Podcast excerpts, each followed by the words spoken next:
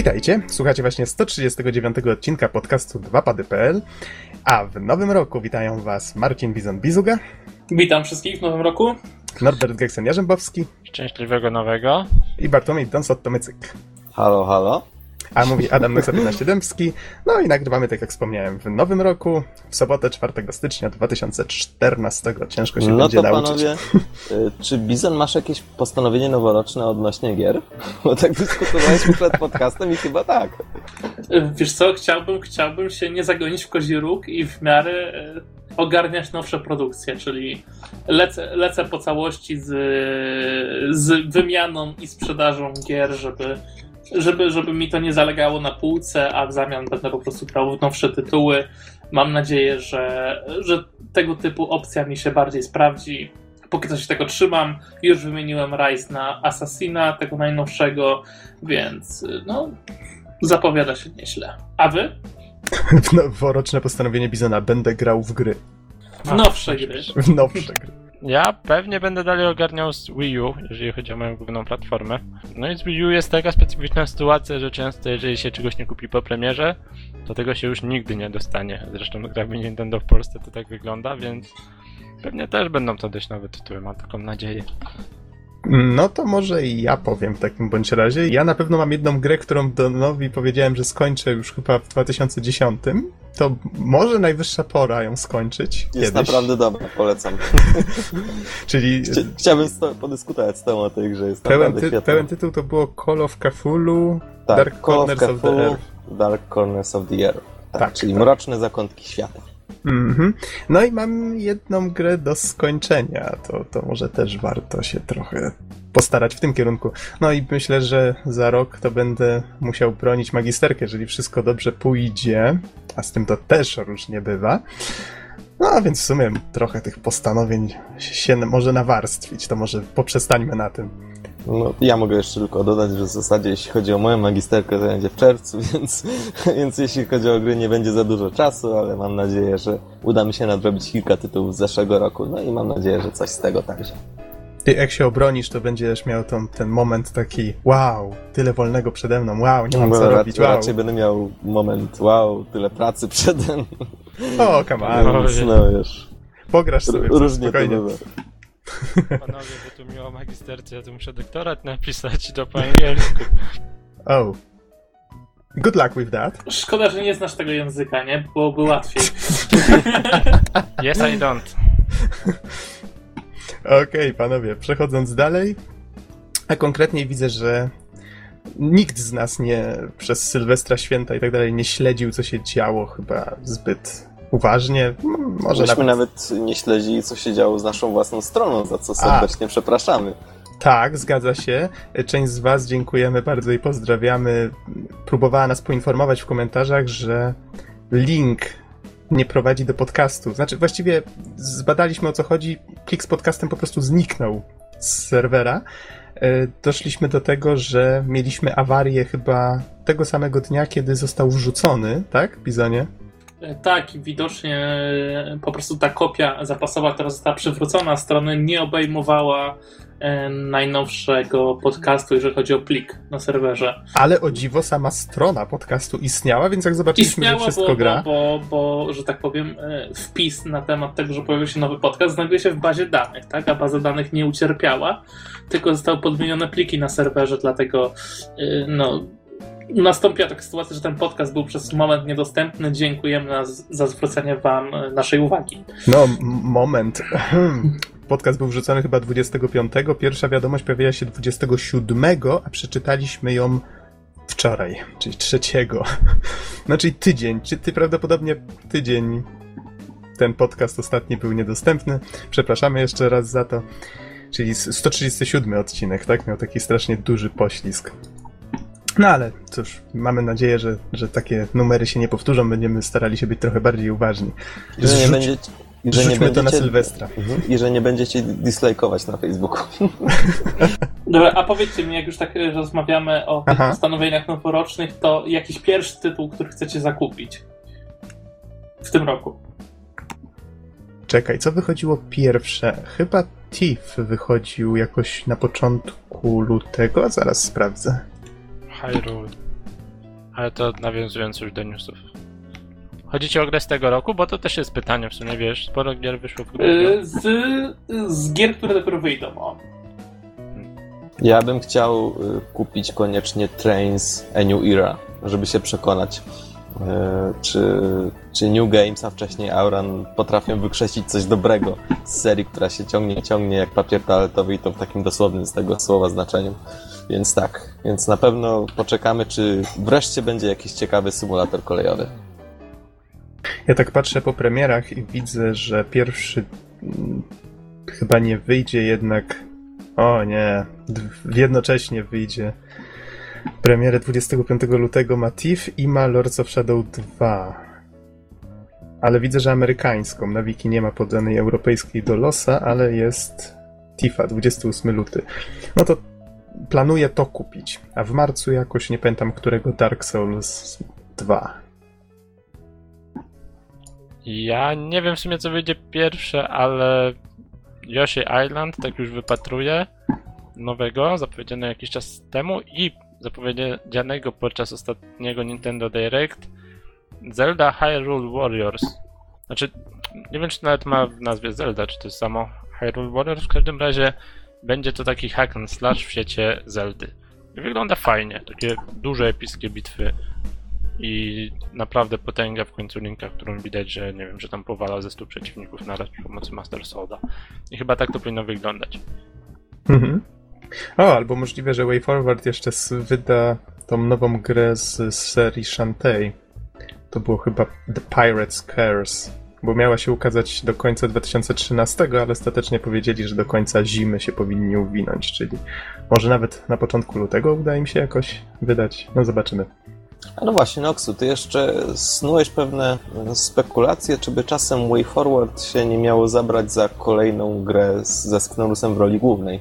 Dlatego, że jak, Mhm. jak podkreśliłeś, kiedy o tym mówiłeś ostatnio, już dłuższy czas temu, że właśnie DuckTales Remastered e, opierają się na pierwszej części gry, e, a druga zostanie ruszona, więc no... Co o tym sądzisz?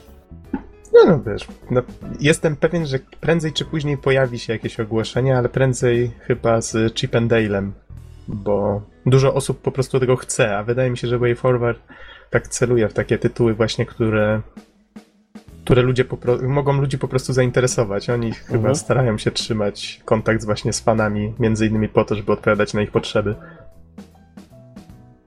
Dobrze, panowie, słuchajcie, y, jeżeli ktoś ma jeszcze coś do dodania a propos właśnie planów na 2014, to lepiej teraz, bo przejdźmy może troszeczkę właśnie do tych dwóch całych newsów, które żeście mi tutaj podesłali. Nie, E, no więcej. Więcej. Ja tu mam Dobra, tak. ale- Ma, Ale mam- może zacznijmy od tego, że nie tylko my mieliśmy problemy techniczne ze stroną. tak, Aha, dokładnie. Aha, najlepszym się zdarza. tak, no bo ostatnimi czasy, to było bodajże przedwczoraj czy wczoraj, drugiego, w sumie wczoraj też się chyba zdarzało jeszcze, 2 i 3 stycznia Steam miał problemy ze swoimi serwerami. Chodziło o to, że e, były jakieś ataki hakerów. Podobno ograniczało się to tylko do DDoS, czyli do tych ataków po prostu poprzez zalanie masą zapytań i w ten sposób można wyłączyć serwer, ale żadne dane nie wyciekły. Ostatecznie takie jest oświadczenie. Mam nadzieję, że tak jest, że nie ma nic tam poważniejszego, no bo z tego co się orientuję Steam, ile ma w tym momencie kont? 6 milionów czy więcej? Więcej chyba. Wystarczająco dużo.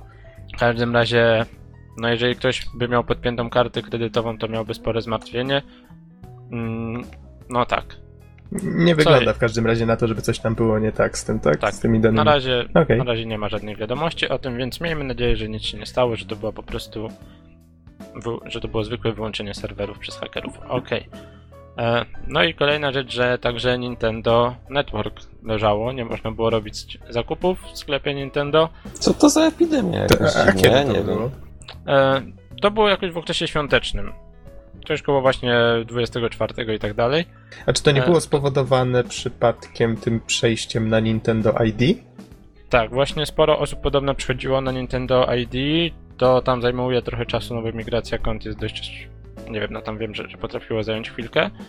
Mm, Dodatkowo, no i pewnie na święta, jak to zwykle bywa, że ludzie, którzy pracują, się dbają o te serwery, pewnie sobie poszli odpocząć, tak? No i widocznie coś tam było zaniedbane, w każdym razie, no tak samo były usługi niedostępne przez chwilkę. I to chyba tyle, jeżeli chodzi o awarię. Czyli wszyscy mieli awarię. I Nintendo, i Steam, i dwa pady, wszyscy.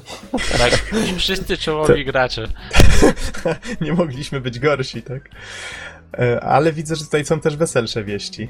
Od ciebie, Norbert, akurat. Z A, Deadly tak. Serious widzę newsa z podsumowaniem Nintendo Direct, chociaż widzę, że nie jest świeży, bo to jest 18 grudnia, ale nie mieliśmy okazji o tym mówić.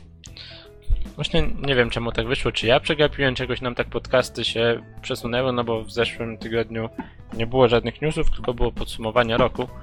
W każdym razie e, było nowe Nintendo Direct. Tak naprawdę najważniejsza rzecz, którą tam pokazali, no to ta gra Hy- Hyrule Warriors. Polecam naprawdę zobaczyć trailer, bo grafika może nie powala, ale gameplay wygląda bardzo fajnie. tak jak mówię, że widzimy taką wielką bitwę, gdzie jest kilka tysięcy żołnierzy, dosłownie tak, ze świata Zeldy. No i tam my jako Link zasuwamy i naprawdę potrafimy zrobić spore zamieszanie i fajnie to wygląda. Tylko to e, tworzą ludzie od tej serii, jak ona się nazywała? Znaczy, może z, jeszcze z, wcześniej... z Warriors w nazwie to było. A, chyba kojarzę o co ci chodzi. W każdym To- to razie... każdym- Dynasty Warriors? Tak. Chyba tak, tak. Bo I- powiem ci, że mi się właśnie ten film z Zeldy bardzo nie podobał i to było strasznie niezeldowe napchanie tych przeciwników i po prostu widać, że po prostu cały nacisk jest właśnie na to, że są ci przeciwnicy w liczbie mnogiej i bawią się po prostu fizyką rozpadania się ich tam dookoła. Ale E, to, to to, mniej to więcej- chyba nie jest Zelda. Bo mniej więcej na tym polega właśnie Dynasty Warriors i próbowałem kiedyś w to grać jakoś, nie wiem, nie przekonało mnie to do siebie, może, może za krótko próbowałem, ale boję się, że to nie będzie tutaj nic szczególnie ambitnego. Taki po prostu troszeczkę crossover w cudzysłowie oczywiście. Zobaczymy, tak? No nie wiem, mi się podoba, no bo jeżeli ktoś się nawalczył w tej Zeldzie, to, to tam zawsze są raczej pojedynki jeden na jeden. Ewentualnie no jest to takie dość taktyczne podejście, więc może takie troszkę mniej poważne podejście dobrze zrobi, jako takie odskocznia. Warto też zaznaczyć, że nie jest to, Nintendo zaznacza, że nie jest to oficjalna gra z serii Zelda, więc jakby no sugerują to, że to nie będzie podobne, tak? Ale Czyli to, tak, taki spin-off. tak, taki spin-off, taki Okej. no coś dla fanów, myślę, że to miły smak. Warto zobaczyć, mi się podoba, tak? Ale jak słychać, opinie są różne. E, No, poza Kirby. No właśnie, nowy Kirby Deluxe na 3DS-a, tak? Ile dobrze pamiętam. Mhm. E, no nie wiem, ja za Kirbym tak średnio przepadam, więc może nie będę się wypowiadał. No i Kirby jak to Kirby. Dodali trochę patent znany z Mutant Mats na 3DS-a, czyli że mamy jakby dwa plany i możemy się przełączać między nimi, czy tam jakoś teleportować.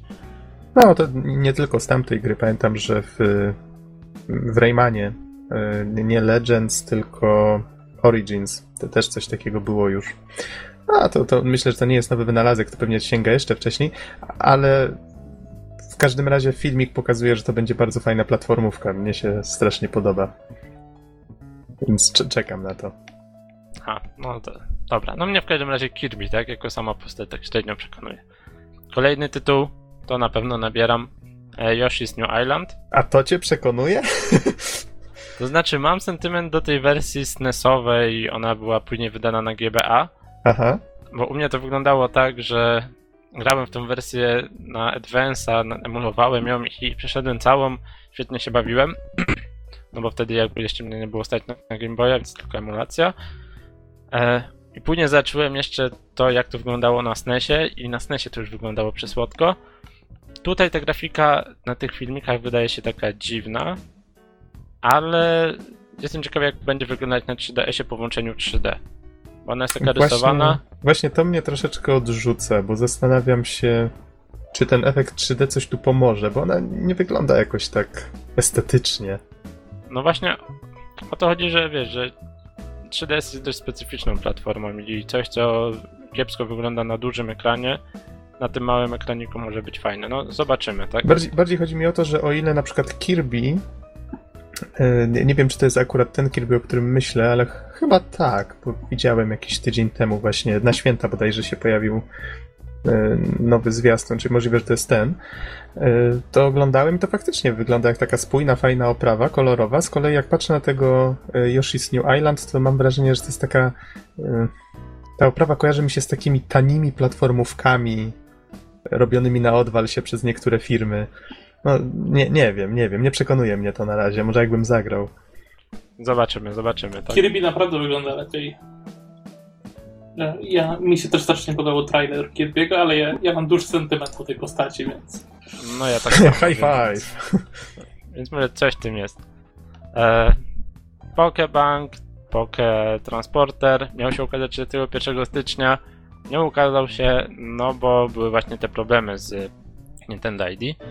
Nie pamiętam kiedy teraz ostatecznie ma się ukazać, ale no dobra, no w każdym razie jakoś później. Tak? W końcu się nie ukazał? Bo ja słyszałem, że się ukazał i chyba zaczęły się na nim pojawiać od razu jakieś takie schakowane Pokémony z najlepszych y, rank, czy, czy jak coś tam nazywa.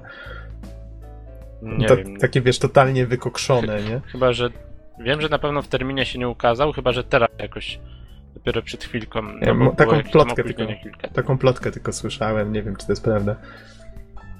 To, że gracze kopiują, kombinują, no to, to nie jest nic nowego, niestety. No ale co na to się poradzi, tak? Wiem, że nawet w turniejach oficjalnych Pokémon tam znaleźli jakiś sposób weryfikacji, które poki są oryginalne czy nie, bo to też była plaga.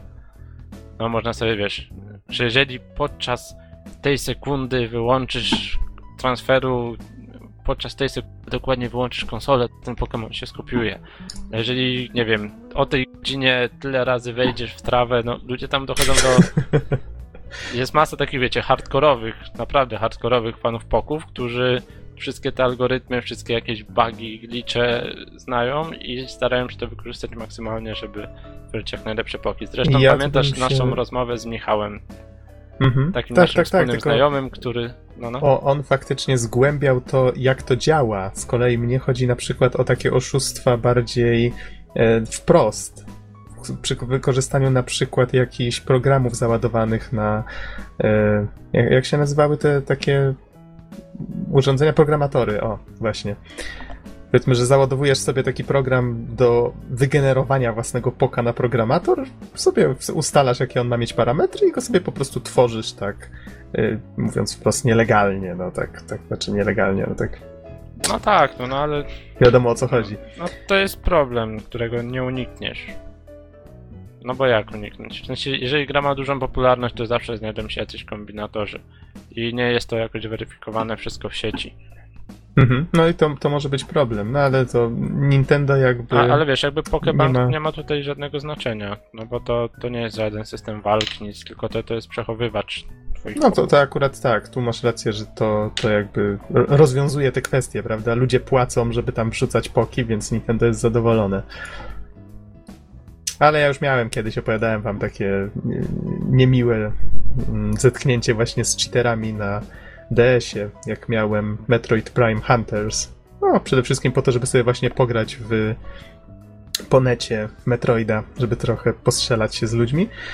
No i tam właściwie nie było serwera, na który, znaczy serwera, mm, gry, do której bym dołączył, w której ktoś nie latałby, albo nie przechodził przez ściany, albo był nieśmiertelny i to po prostu, wiecie, jako osoba, która kupiła tę grę faktycznie w sklepie, czułem się, no po prostu źle, bo ludzie zepsuli jakby całe to doświadczenie.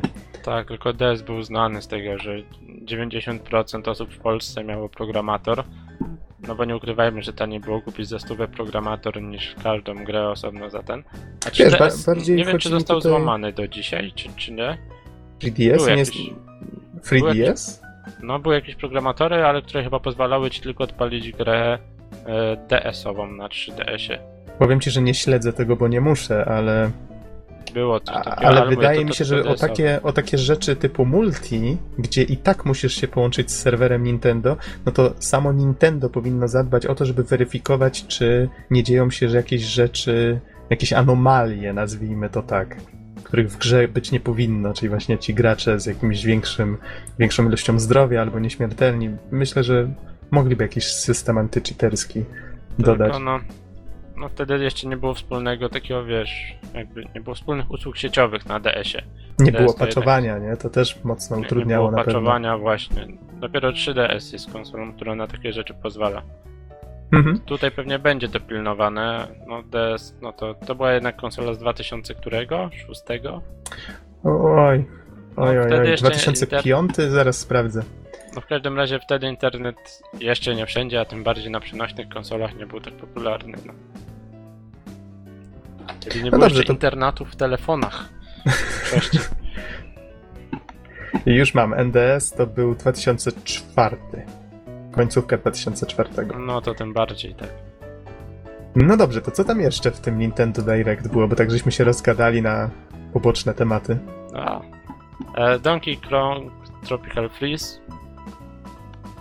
Donkey. Kong Country Tropical Freeze, tak? A tak, tak, zatem tak. Nie wiem, no jakoś do mnie tak średnio przemawia, ale. No nie wiem. Też fajna platformówka może być. No A o tak, tym, że- o tym To nie wspomniałem, jest jak remake był- tego. E, V- VGX jak był, prawda? To pokazywali tą nową postać. To chyba w sumie to samo tutaj jest. Tak, a to nie jest remake tego sławnego platformera, który zgarniał same dychy prawie? Powiem ci, że ja nigdy się nie interesowałem tą serią. Nie wiesz. Dla mnie to jest po prostu kolejna część, bo nie grałem w poprzednie. Może jakbym grał, to, to bym tutaj potrafił coś dopowiedzieć. No ja, ja też nie wiem, ale coś mi się tak wydaje, że miał się ukazać jakiś remake i nie wiem, czy to nie jest to, bo ja też nie śledzę dokładnie, więc ciężko mi powiedzieć. Z kolei tutaj widzę następna rzecz Sonic Lost World. I dlaczego Sonic jest z Yoshi? Eee... A, bo to jest Eee. jakiś dodatek.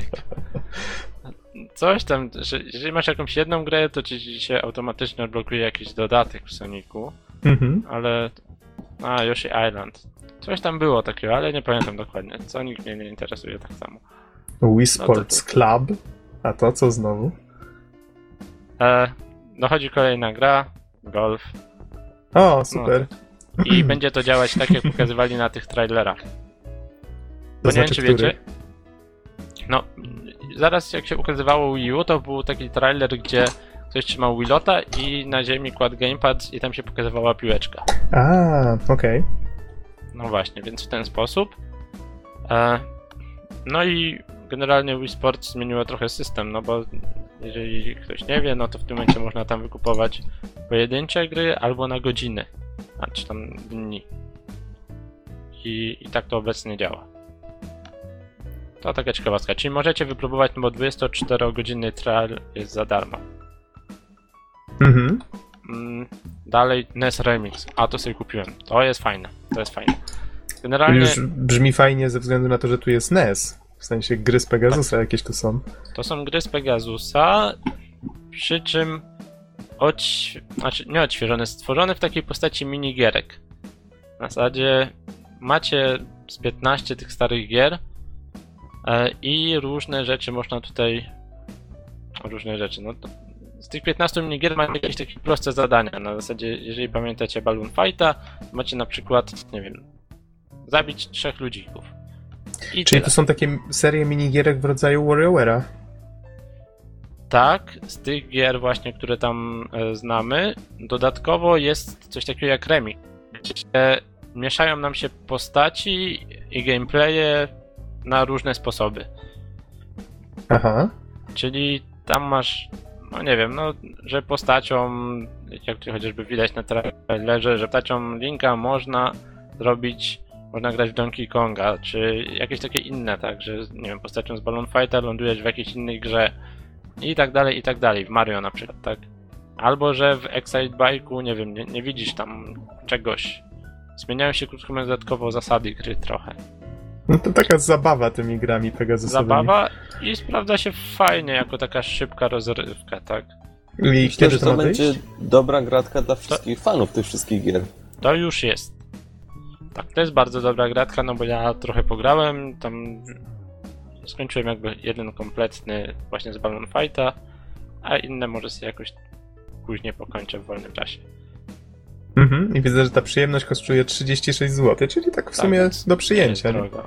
Jest, a jest tam naprawdę sporo gameplayu. Dodatkowo są e, nagrody w postaci takich stickerów, które później można wsadzać do tego, do naszego Miiversa i publikować posty przy ich pomocy i tak dalej, i tak dalej. No to Okej. fajna sprawa, jak ktoś pamięta i Dalej, wspomina Pegasusa. tak, kolejna gra, która też pewnie fanom Pegasusa bardzo się spodoba, Dr. Luigi. W praktyce jest to wszystko to, co znamy z Doktora Mario, że mamy te takie pigułki lecące z góry i tabletki, plus różne remiksy tej gry. Na zasadzie, jeżeli gramy Luigim, to wtedy lecą te tabletki w postaci takich elek. Są, krótko mówiąc, one większe, jak kiedyś były to takie dwuelementowe, to teraz są cztero. I takie bardziej kosmetyczne zmiany. Znaczy masz też stary tryb i masz nowy. I tak naprawdę wiesz, tam gameplay się niespecjalnie zmienia. Są jakieś tam dodatkowe tryby, jest tryb versus, czyli można grać przeciw komuś. No i w sumie tyle, tak? Znaczy Dr. Mario sam się broni gameplayem, a że można go mieć na Wii U, można grać się na, na tym tablecie tylko. No to chyba taki miły dodatek. Nie wiem czy gra jest warta 54 zł. Chyba nie. Z całym Że- szacunkiem dla gry, ale chyba nie. za Dr. Mario. No nie, no na pewno będzie miłe. Poczekam może na promocję, wtedy sobie kupię. No bo Dr. Mario było fajne, a tutaj jest trochę dodatkowego twistu, tak. Okej, co, no, tam, i, co tam jeszcze? A ta, tak może trochę przyspieszając, bo widzę, że lista jest dość ach. długa. no i chyba tyle w sumie. Tak jeszcze warto zaznaczyć, że jeżeli do 31 stycznia dołączycie do Nintendo Network, to dostaniecie darmową grę Super Mario Bros. Deluxe. To jest chyba to Mario, tylko odświeżone, takie stare, stare, klasyczne. Czyli jeżeli mam już Nintendo ID przypisane, to Tak, To to, mam darmową grę. jakoś... Tylko maila o tym dostaniesz jakoś dopiero w lutym, jeżeli dobrze pamiętam. A, czytałem o tym, tylko trzeba to wykorzystać do jakiegoś tam dnia, bo inaczej to przepadnie. Tak, i maila dostaniesz później, że jeszcze nie ma tego. Okej. To warto pamiętać w takim razie. I jeszcze jakieś tam inne rzeczy, ale to może pominąć. No, nowy trailer Mario Kart 8, jakieś inne rzeczy, ale to chyba nic na tyle ciekawego. Właśnie czekaj, Roxana, ty jesteś y, y, pozytywnie nastawiony do Mario, do Mario Kart 8, że to będzie naprawdę świetna gra, bo tak w sensie, znaczy wydaje mi się, że no, chyba z gry na gry to podobne jest mniej więcej. Nie wiem, czy widziałeś zwiastun, ale ta nowa odsłona wygląda naprawdę fajnie. No, przynajmniej biorąc pod uwagę audiowizualia. No właśnie oglądam. No i właśnie o to chodzi, że ja jestem pozytywny. Po pierwsze, trochę się zmienia w gameplayu. Nowe pojazdy, nowe tory, pewnie już nie pamiętam wszystkich tych zmian, tak? E... Tak, na pewno widzę nowe pojazdy, tak teraz się szybko trailer przewijam, no nowe tory to jakby oczywiste. Widzę, że tak samo coś, czego nie było w starym, było w tym 3DS-owym, ale nie było w tym na Wii. No to lotnie, poziomy podwodne, motory, tego wszystkiego nie było na Wii, teraz będzie. No i to, co chyba najważniejsze, to, że nie będzie wybijać zębami, nie będzie nam na piksele wybijać zębów, jeżeli sobie usiądziecie ze znajomym i pograć. No tak naprawdę Mario Kart kupuje się do gry wspólnej. Mhm. Albo Skydrifta.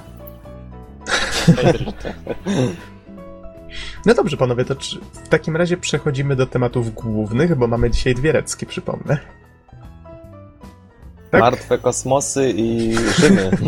Rzymy i martwe kosmosy, tak. Z Donem zrecenzujemy Dead Space 3, z kolei Bizon opowie o Rise Son of Rome. Przejdzie już i twardo będzie stąpać nogami po ziemi. Tak, tak. No tutaj żeśmy zapowiedzieli oczywiście te recki tydzień temu, ale tak. Czas przejść w takim bądź razie do sfinalizowania tej obietnicy. Don, rozumiem, że zaczynamy od Dead Space'a 3, bo Rise, jakby nie patrzeć, jest grą nową, świeższą, więc też jakby ma wyższy priorytet, czyli musimy ją odwlec w czasie, żeby trochę napięcie rosło, nie? Dokładnie tak. I jeszcze mogę dodać od siebie na sam począteczek, że będzie to recenzja, no, ciekawa, ale nie tylko ze względu na content, ale, ale ze względu także na fakt, że Noxu jest weteranem serii, który zjadł na niej zęby. Ja natomiast jestem zupełnie nowy i Dead Space 3 to pierwsza gra z Dead Space'ów, jaką kiedykolwiek widziałem. Mieli dwa różne spojrzenia, zderzenie ich. E, No i zobaczymy, co z tego wyjdzie. Mhm. Ja tutaj tylko a propos tego swojego bycia weteranem, to tutaj bym nie, przes- nie przesadzał, ponieważ grałem w jedynkę, niedawno zrecenzowałem dwójkę, okej, ale jakby nie siedzę w tym głębiej, bo tam były jeszcze jakieś komiksy, były jakieś anime chyba, chyba nawet Oj, widziałem. stralalala, siedzisz Tego- głębiej tego niż ja. Tego typu rzeczy. Więc myślę, że, myślę, że to da radę. Ale okej, znam, znam serię na tyle, żeby tutaj mieć jakiś, od, punkt, jakiś punkt odniesienia. No dobrze, to tutaj ze względu na to, że niedawno recenzowałem właśnie Dead Space 2, tuż przed świętami, to wydaje, chyba nawet tuż, tuż przed świętami, to był świąteczny odcinek, e, to nie wiem, czy powinniśmy się tutaj zagłębiać w jakieś takie bardzo duże szczegóły. Ogólnie rzecz biorąc, mamy tutaj, jak ty to Don pięknie ująłeś, zombie w kosmosie. Mamy Isaaca Clarka, czyli naszego bohatera, który w jedynce był zwykłym inżynierem, który znalazł się w bardzo złym miejscu w bardzo złym czasie i musiał walczyć z masą y, różnych dziwnych stworzeń, tak zwanych nekromorfów, czyli właściwie zmutowanych zwłok ludzkich z różnymi szponami, kłami i innymi tego typu rzeczami nieprzyjemnymi. No właśnie, chciałbym tutaj jeszcze nadmienić, no bo na samym początku trzeciej części e, zaczyna się tak. Akcja zaczyna się strasznie dynamicznie. Mamy i, i, i wzmiankę o markerach, i o nekromorfach, i o samym Isaacu, i o ratowaniu świata, i w ogóle balansie, który dosłownie zaraz wszystko runie. I w mojej ocenie początek jest dosyć de- dekoncentrujący, choćby ze względu na to, że jest zrobiony w stylu Call of Duty troszeczkę. Znaczy mamy wiele postaci naraz, trudne decyzje i oczywiste odpowiedzi na te trudne de- decyzje. Yy, No i całą masę kontentu, która no myślę, że została zrobiona między innymi po to, żeby nowy gracz nadgonił materiał. Yy, Żeby się zorientował, kto co jest, kto kim jest w tym świecie, jak to wszystko działa i tak dalej. Problem Yy, jednak to- polega to na tym, Jeżeli że... mogę... Znaczy, może ja tylko dokończę. Okej, Problem okej. tylko polega na tym, że, że ja szczerze powiedziawszy nie nadgoniłem, co jest w tym świecie, y, dlatego że mm, to, ten, ten początek był na tyle dekoncentrujący y, i był na tyle jakby, no, z mojej perspektywy niezbyt interesujący, że, że po prostu szybko mnie zgubili.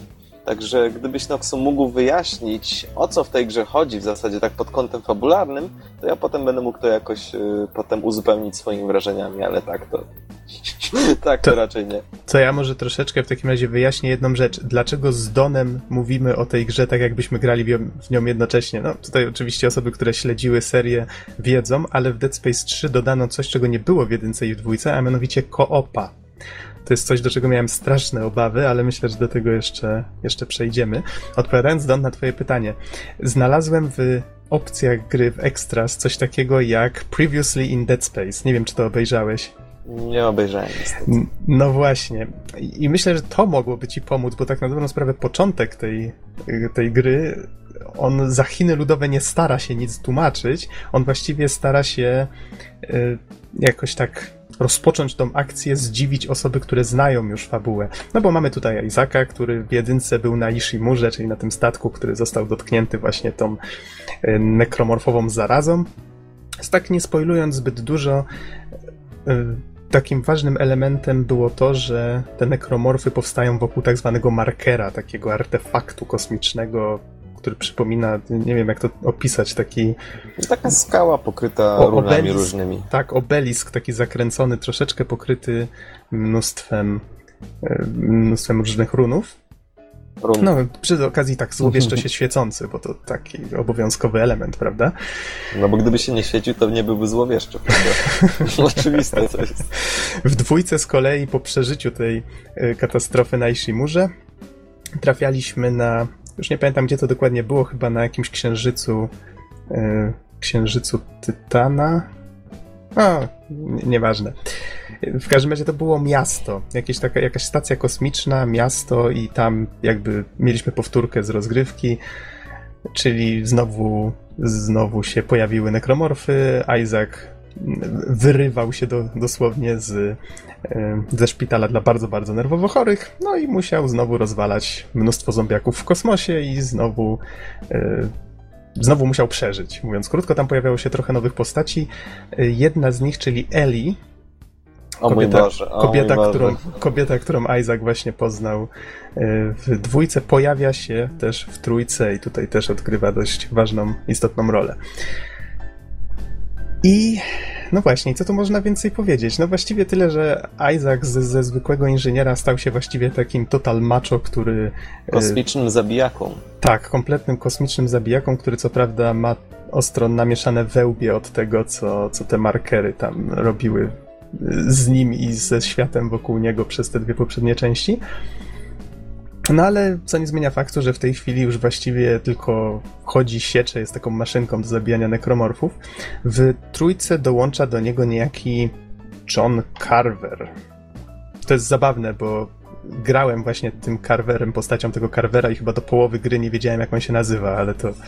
Wiecie co, specyfika koopa, jak oni to wszystko dopasowali, będzie bardzo fajna.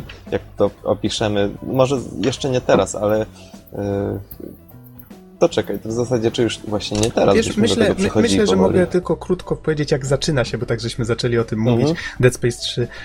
Ogólnie rzecz biorąc, dzieli, początek dzieli się na kilka części i jest dość długi.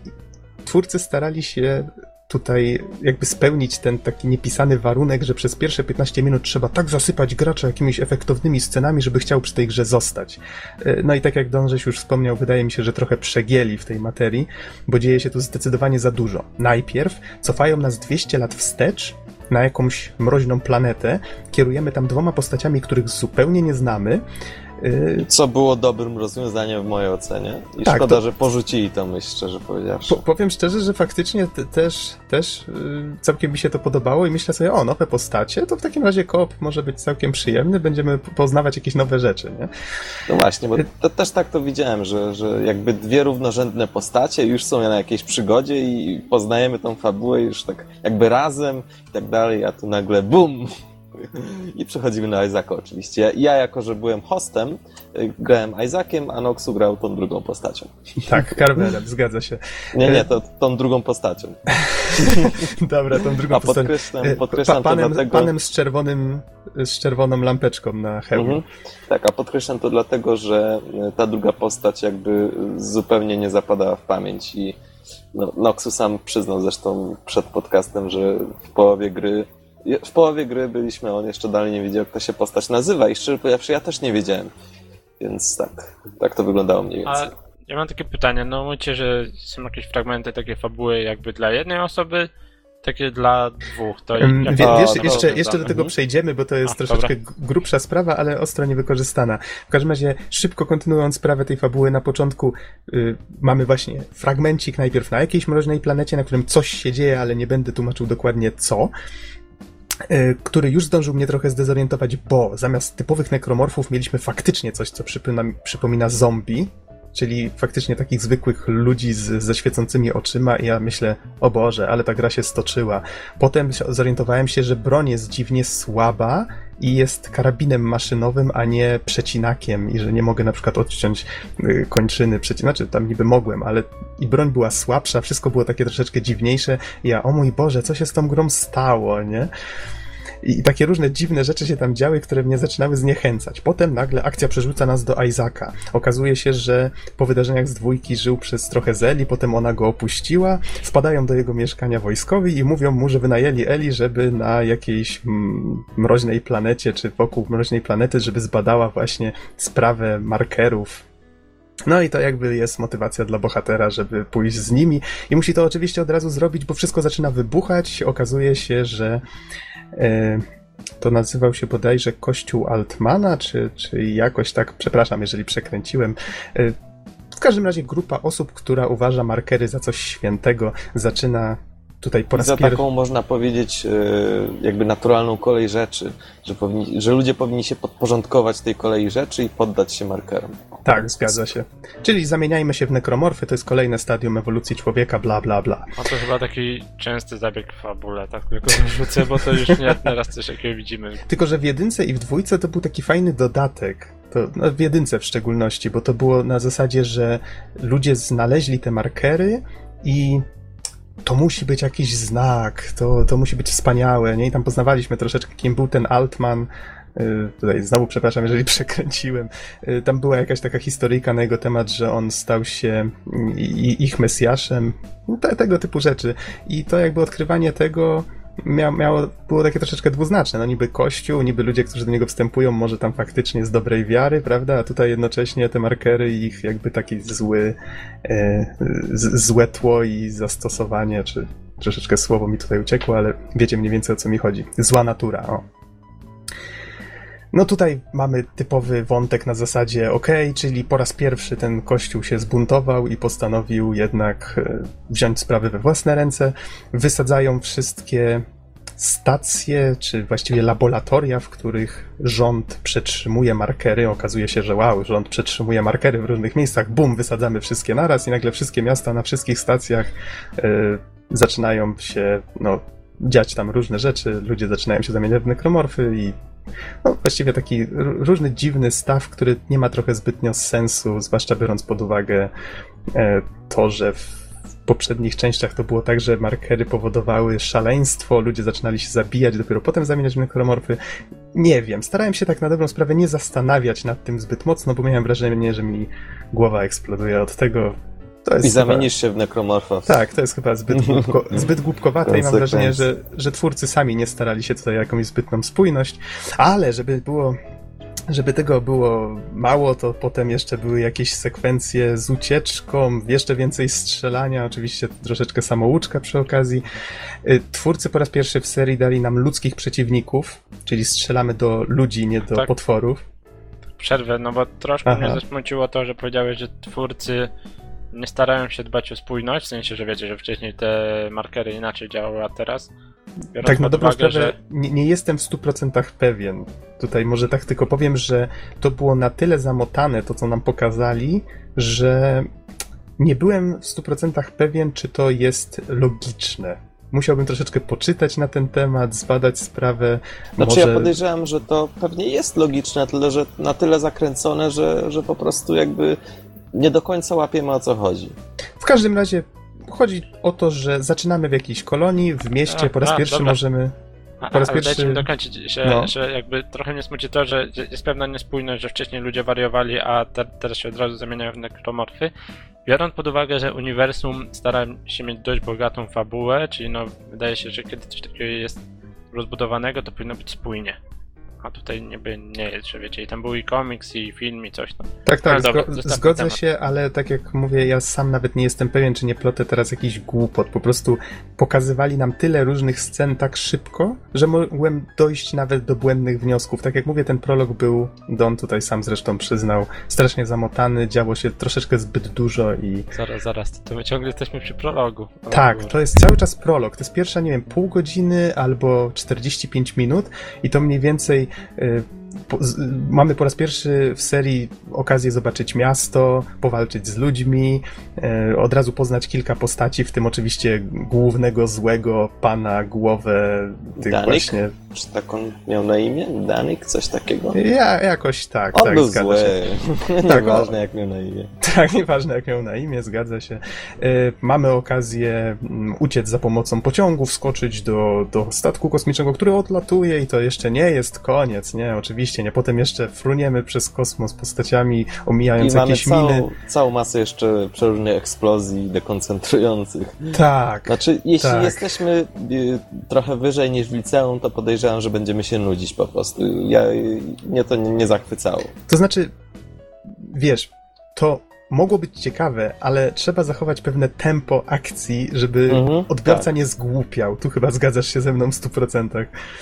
Tu zresztą przegięli i dopiero po tej pierwszej godzinie, kiedy już myślałem, że ta gra po prostu spadła na samo dno, a zresztą słyszałem o niej słabe opinie, więc byłem na to przygotowany, nagle się zaczęło okazywać, że z godziny na godzinę ona zaczęła się robić po pierwsze bardziej podobna do tego, co znałem, czyli faktycznie zaczęła być troszeczkę bardziej powolna, przynajmniej miejscami. Y, znowu zaczął powracać ten klimat z pierwszego Dead Space'a, czyli mieliśmy statek to czekaj, kosmiczny. Czekaj, Noxu, może ja też coś powiem. No, no, proszę bardzo, proszę bardzo. No właśnie, mieliśmy w dalszym ciągu, kiedy skończył się ten prolog, wreszcie zaczęło być w sposób bardziej zrównoważony. Czyli mieliśmy też eksplorowanie stacji e, i tych wszystkich statków, które tam wisiały w orbicie mroźnej planety, nad którą przebywaliśmy. Także pewne momenty ciszy się zdarzały, to znaczy eksplorowaliśmy sobie te wszystkie budynki, e, jakieś opuszczone biura, magazyny i, i po prostu nic się nie działo. To ja może tutaj tylko dodam, że akcja, tak, bo zamotaliśmy sami strasznie tym prologiem, to wyjaśnię tylko, że ogólnie fabuła polega na tym, że ta mroźna planeta jest źródłem wszelkich markerów, wszystkich tych problemów i tam bohaterowie, właśnie Eli ze swoją grupą i Carver z Isaaciem szukają właśnie sposobu, żeby wyłączyć te markery, żeby raz na zawsze jakby zażegnać e, to niebezpieczeństwo i no i ten sam fakt sprawia, że dla mnie to było takie całkiem fajne podsumowanie trylogii. No, tutaj Mhm. tak zamykając jakby wstęp do fabuły. Czyli najpierw jesteśmy na, na atmos- w atmosferze, jakby nie w atmosferze, na orbicie tej planety, a potem, potem dochodzimy do źródła. Jakby. Więc y, tak jak mówisz i tak jak ja powiedziałem zresztą, to powiem trzeci raz, y, w środku gry rozgrywka zdawała się być bardziej zrównoważona. Y, I, I jakby no mnie to bardziej interesowało, dlatego że bywały momenty te, tak jak wspomniałem, ciszy, czyli chodziliśmy od pomieszczenia do pomieszczenia i słyszeliśmy tylko głosy swoich kroków i swoje głosy dyskutujące o grze.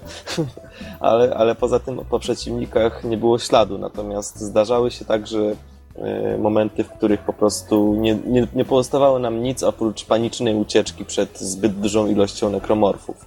Także gra starała się, można powiedzieć, zbudować taki klimat troszeczkę osaczenia i starała się zaskakiwać, przynajmniej nie wiem, miała zaskakiwać, e, ale, ale grając na koopie, ja, szczerze powiedziawszy, jakoś tego, mm, tego zagrożenia, ja nie zawsze to, to odczuwałem.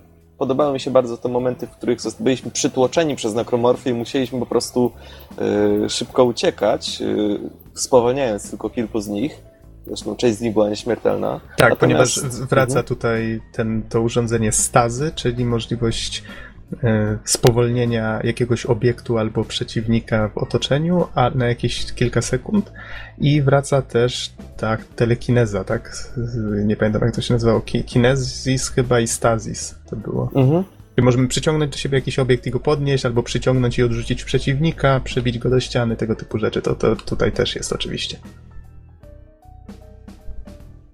E, Tutaj Don wspominałeś o, y, o tym osaczeniu. Ja tutaj tylko dodam, że grze jest bliżej do.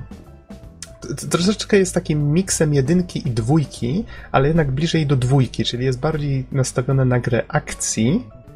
Jeszcze biorąc pod uwagę właśnie to, że jest ten koop, ona jest stworzona pod tego koopa, chociaż twórcy zachęcają, że jak się chce, żeby grać w pojedynkę, wtedy faktycznie tej drugiej postaci nie ma, ona występuje tylko w niektórych cutscenkach i wtedy ponoć mamy tutaj do czynienia z typowym Dead Space'owym e, doznaniem, ale mnie nadal się wydaje, że jedynka bardziej celowała w taki ambitny, no ambitny to duże słowo, ale miała ambicje, żeby być horrorem, z kolei dwójka już nie miała takich ambicji i trójka wydaje mi się, że celuje właśnie bliżej tego miejsca, gdzie dwójka wylądowała.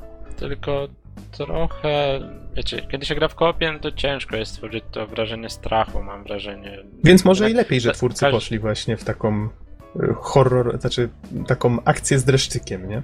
Każdy horror jednak zaczyna się od tego, nie wiem, jeżeli ktoś gra, że nawet jak było Alien vs Predator któreś, no to nas oddzielali od tej grupy Marines jak najszybciej. W każdym tego typu horrorze tak to wygląda.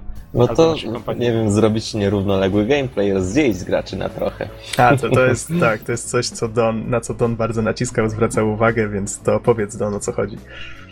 E, Jeśli chodzi o właśnie o nierównoległy gameplay, to e, gra ma pewne próby wprowadzenia tego typu rzeczy, e, które mi się zresztą bardzo podobały. To znaczy, były momenty, w których e, mieliśmy przed sobą e, panel, no i w tym panelu trzeba było rozwiązać zagadkę, czyli tam było oczyścić tory kosmicznego tramwaju, który był bardzo cool i którym się chciało przejechać koniecznie. No a jak się nie przejechało, to się ginęło, więc tym bardziej się chciało.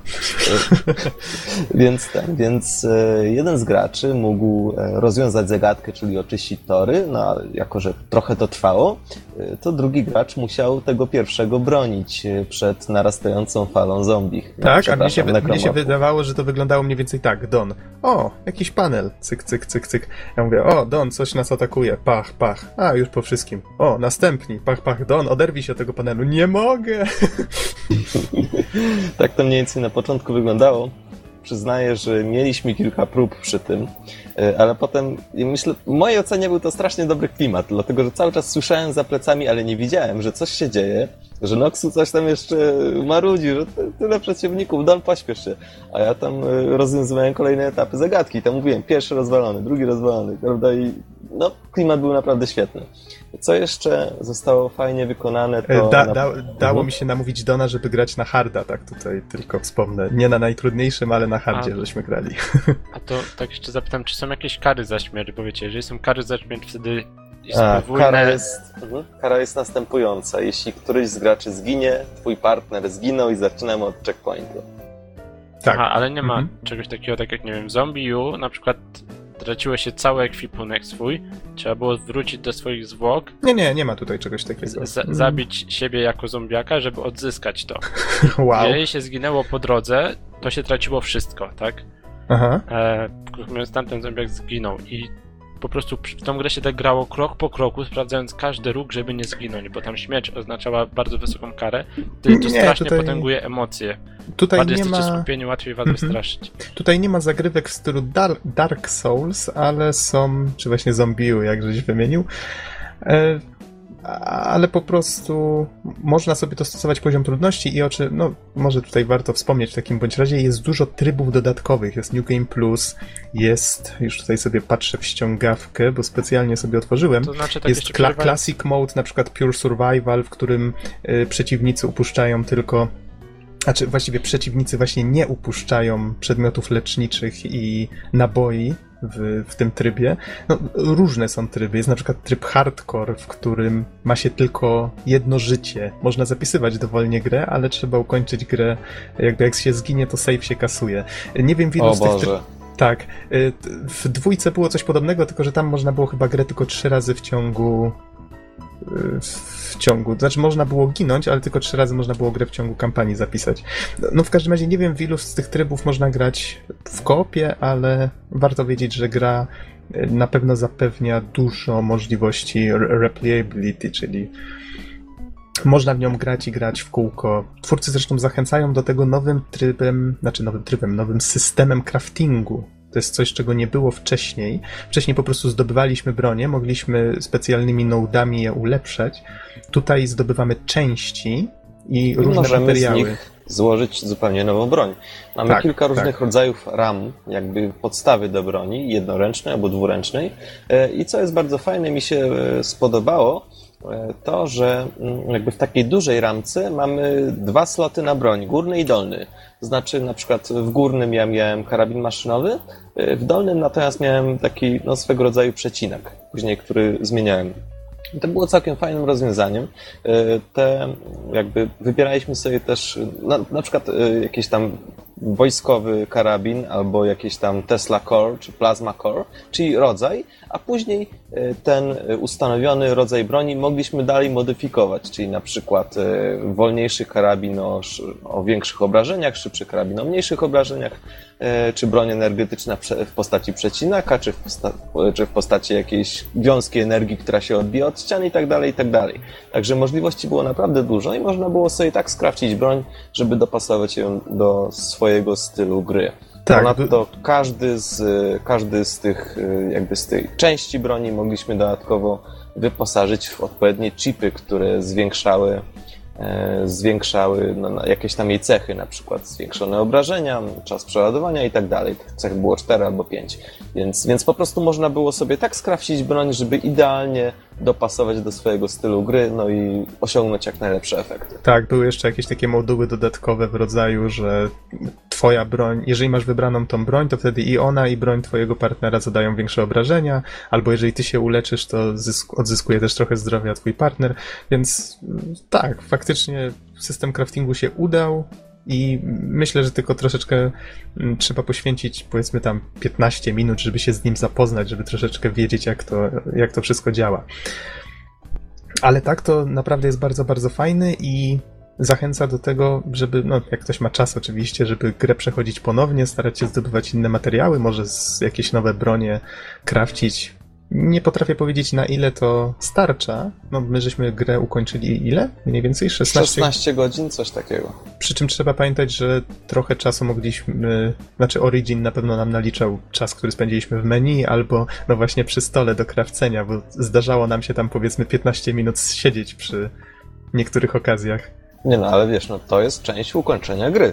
Zrobienie Nie no, dobrej broni. Nie no tak, oczywiście, ale trzeba się liczyć z tym, że czasami właśnie e, zdarzają się sytuacje w rodzaju Don, Don, chodź już. Nie, nie, chwileczkę, tutaj sklejam wyrzutnie piorunów z... Super rozpierdalator.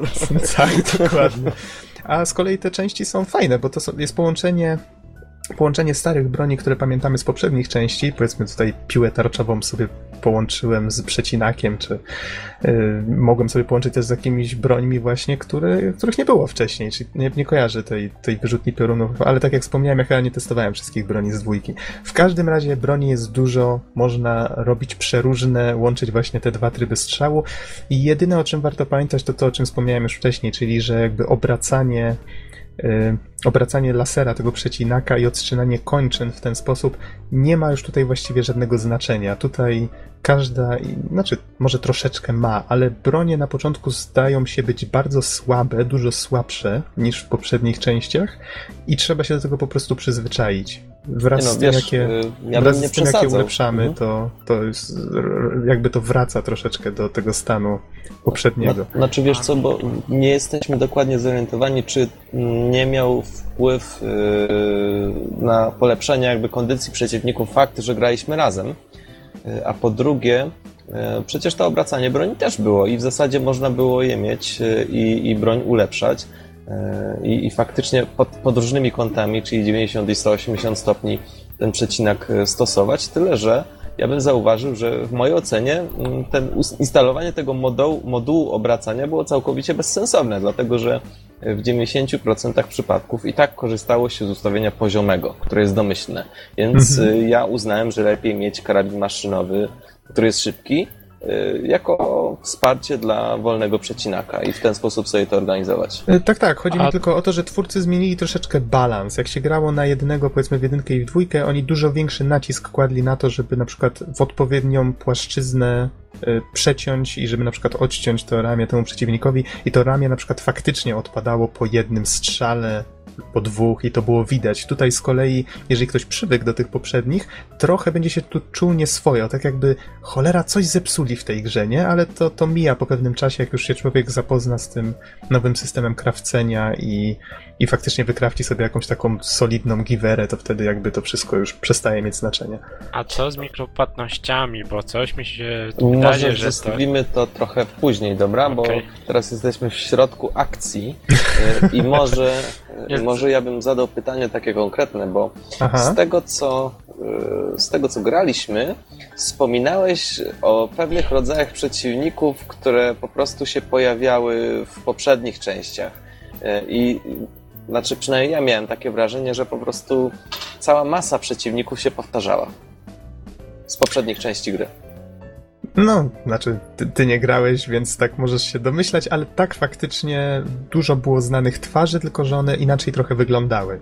No, troszeczkę zmienili skórki tych, tych potworów, ale one działały bardzo często w podobny sposób, czyli na przykład był ten grubas, któremu nie można było brzucha rozciąć, żeby się nie wylały jakieś mniejsze robaczki. Był, był ten taki, nie wiem czy to noworodki, czy jak to nazwać, takie z trzema ogonami, które strzelały ze ścian i z sufitów y, takimi igłami. No, każdy, kto grał, to, to będzie kojarzył o co chodzi. To takie rzeczy się pojawiają. Y, Mam wrażenie, że pojawiło się kilka nowych potworów, chociaż nie potrafię teraz przytoczyć żadnego. Nie jestem pewien, czy na przykład ten taki przypominający skorpiona nie był nowy. Może się mylę, ale na pewno te zombiaki na początku były nowe, bo one bardziej przypominały ludzi faktycznie niż nekromorfy. Mam wrażenie, że to, to, to coś, co mnie tak trochę zdziwiło na początku. No, w- każdym razie troszeczkę, troszeczkę tutaj dodano. Co mi się podobało, powróciły walki z bossami. W dwójce miałem wrażenie, jakby ich w ogóle nie było. Były jakieś takie próby chyba, ale, ale, ale tam jednak dużo bardziej to powtarzanie się przeciwników było widać. Tutaj faktycznie od czasu do czasu zdarzały się takie momenty, kiedy miało się wrażenie, o, to jest jakaś ważna walka. I, i to było podkreślone nawet. grubą linią. Więc fajnie, fajnie, że to wróciło. Zresztą z takich rzeczy jeszcze, które urozmaicały gameplay, myślę, że można tu wspomnieć o tym, że właśnie, e, tak jak wspomniałem, o tym frunięciu przez kosmos i omijaniu min. Zdarzają się tutaj właśnie takie urozmaicenia. Niektóre znane z poprzednich części, niektóre nowe, czyli tak jak tutaj Chodzenie po linach. chodzenie po linach, tak. Zdarzały się takie momenty, że po prostu na przykład wystrzeliwaliśmy w górę linę z harpunami i po prostu po tej linie wspinaliśmy się pod górę ściany, ale też zdarzało się, że po prostu schodziliśmy. Więc to było całkiem ciekawe doświadczenie, zwłaszcza, że walka no, szła w pionie. Mhm. I jeszcze taka ważna rzecz, którą można by wspomnieć o samym świecie, że po raz pierwszy po raz pierwszy w serii y, miejsca akcji zdawały się być połączone w taki sposób, że można wrócić do nich i na przykład zresztą twórcy do tego zachęcali, żeby szukać zadań pobocznych. Ja się zorientowałem, że w całej grze jest ich 10, tak w statystykach było podane, my żeśmy z Donem wykonali chyba tylko 3. Czwarty żeśmy znaleźli, ale ze względu na to, że te, te zadania poboczne, one były takim typowym kopiuj w klej. Czyli jak było widać, że wchodzimy do jakiejś lokacji, która jest identyczna prawie jak jakaś inna, tylko się różni troszeczkę wystrojem, to Albo jest razu... po prostu odwróconym. Tak, Odwróconą lokacją. Którą Czyli, że co, coś się, tak, czyli, że coś się od, mm, od końca do początku jakby przechodzi, tylko że to jest już zupełnie inne miejsce, tylko że jest skopiowanym jakimś innym miejscem, no to wtedy można było się od razu domyślić, aha, to jest jakieś zadanie poboczne, na końcu którego znajdziemy skrzynkę pełną jakiegoś sprzętu. Czyli to dość szybko przestało nas interesować, bo to to, to była taka jakby gratka dla osób, które się wciągnęły w ten gameplay i chciały tę grę przechodzić i szukać lepszych matsów, ale jeżeli chcieliśmy tylko poznać historię, to to nie było zbyt, zbyt fajne. Warto w każdym razie wiedzieć, że świat jest mniej więcej otwarty i y, nie przez cały czas oczywiście. No, Było też tam troszeczkę sekretów, zwłaszcza w tym polu e, złomowisku, na tym gigantycznym złomowisku na orbicie była, myślę, że całkiem sporo rzeczy, które po prostu ominęliśmy. Tak, tak, zgadza się, bo tam była na przykład taka, y, nazwijmy to kolejka, no nie wiem, ta, ta, taki stateczek, do którego się wsiadało i wybierało się miejsce, do którego chce się polecieć. Mam wrażenie, że tam był przynajmniej jeden statek, do którego w ogóle żeśmy nie podlecieli. Więc Y, na pewno dalszy- twórcy umieszczali tego typu rzeczy, żeby można było y, i fruwać w tej przestrzeni, i szukać jakichś skarbów gdzieś tam za rogiem, a my żeśmy od razu pruli do statku, czy na powierzchni właśnie tak samo, żeśmy troszeczkę tam popatrzyli po kątach, ale ale tak na dobrą sprawę to żeśmy starali się iść przede wszystkim po to przed siebie, żeby fabułę dalej potoczyć. E, I w dalszym etapie gry także znajduje się taki, no, coś w rodzaju kolejki, która umożliwia nam wracanie się do, do poprzednich lokacji, czyli jakby zachowali ten schemat, ale z tego co pamiętam, to myśmy chyba w ogóle z tego nie skorzystali, albo tylko, tylko chyba tylko tak, żeby posunąć fabułę do przodu. A, ale warto wspomnieć, że coś takiego jest. Co prawda w Mhm. pewnym momencie gry odcina się dostęp do właśnie do tej orbity, ale to, to jakby jest jakby fabularnie uzasadnione. E, O czym żeśmy jeszcze nie wspomnieli? Otwarty świat, no to na plus. Krawcenie broni jak najbardziej na plus. Tutaj zjechaliśmy grę za początek, ale tak na dobrą sprawę bardzo przyjemnie nam się grało. Tutaj tak podsumowując jakby cały ten gameplay, bardzo długo nam się grało, czyli 16 godzin to, to, to nie jest wcale mało. W grze jest bardzo dużo kontentu, nie licząc oczywiście tego kopiuj w klej, które zastosowano przy tych dodatkowych questach, cała reszta to jest bardzo dużo różnych miejsc, postaci, przeciwników, sytuacji, ciągle coś wybucha, a- czasami zdarzają się właśnie takie momenty ciszy, czy, czy właśnie takie próby budowania napięcia, chociaż no, tak żeśmy o tym już rozmawiali. One wys- występowały tylko kilka na początku, ale w ogóle nie zadziałały, bo, bo żeśmy grali razem. Jeszcze co mogę pochwalić, to, to także e, krótkie minigierki przy hakowaniu, krótkie minigierki przy, przy wspólnym hakowaniu, to znaczy myśmy byli jakby, oboje widzieliśmy ekran i musieliśmy takimi kropeczkami po trasach się przemieszczać, żeby, żeby umieścić je w konkretnym punkcie. No, no nie mogliśmy przechodzić przez siebie, więc to taki troszeczkę Pac-Man był, szczerze powiedziawszy, więc... Ale było, było to całkiem miłe urozmaicenie, zwłaszcza, że czasem ej Don, czekaj, to jeszcze raz. Tak, to, tak, takie drobiazgi, to prawda, to prawda, ale fajnie, że, że to dodali. E, Z, no, wśród przeciwników, tak jak wspomniałem, pojawiają się po raz pierwszy ludzie, możemy zobaczyć miasto, czyli tak troszeczkę ta gra stara się rozwijać to uniwersum, ale wydaje mi się, że, tak jak wspomniałem, fabuła sugeruje, że to jest podsumowanie trylogii, jakby takie zamknięcie całej historii. I ja chciałbym tak tę grę traktować, tymczasem twórcy, no bo jakby na to nie patrzeć, końcówka ma taką skalę, tu chyba Don się ze mną zgodzisz, że po ukończeniu gry stwierdziliśmy, że jeżeli mieliby zrobić kolejną część, to ta seria chyba połknęłaby sama siebie w pewnym momencie. To takie trochę było przegięte już do kwadratu. Mhm, coś takiego, chociaż w mojej ocenie, e, już może tak mówiąc bardzo ogólnie, nie spoilując niczego, myślę, że nie wykorzystali potencjału, jaki tkwił e, w finale. Że po prostu te, tej, tej wielkości, znaczy czuć było, że było, wiel, że było czuć było ogrom całej sytuacji, ale ale nie czuć było tego, tego gigantycznego ogromu. W ten sposób to ujmę. Jezu, masło maślane. Y, w każdym no, razie... Ale, ale chyba się możesz ze mną zgodzić, tak? Wiesz, co chodzi generalnie. My, powiem tak, moje oczekiwania co do tej gry, jak do niej siadaliśmy, były bardzo niskie, więc wszystko tak na dobrą sprawę, co po tym prologu się działo, tylko budowało jakby na plus te moje doznania. Wydaje mi się, że gra tak na dobrą sprawę wyszła w moich oczach bardzo fajnie. Wydaje mi się, że skala na koniec, no tutaj troszeczkę się z tobą nie zgodzę, skala na koniec była no tak trochę nawet przesadnie ogromna, ale ja traktowałem faktycznie tę przygodę jako takie zakończenie tej historii. Dead Space'a. Jak się okazało, niesłusznie, bo niedługo potem wyszedł dodatek DLC, w który nie graliśmy, nazywa się Awakened.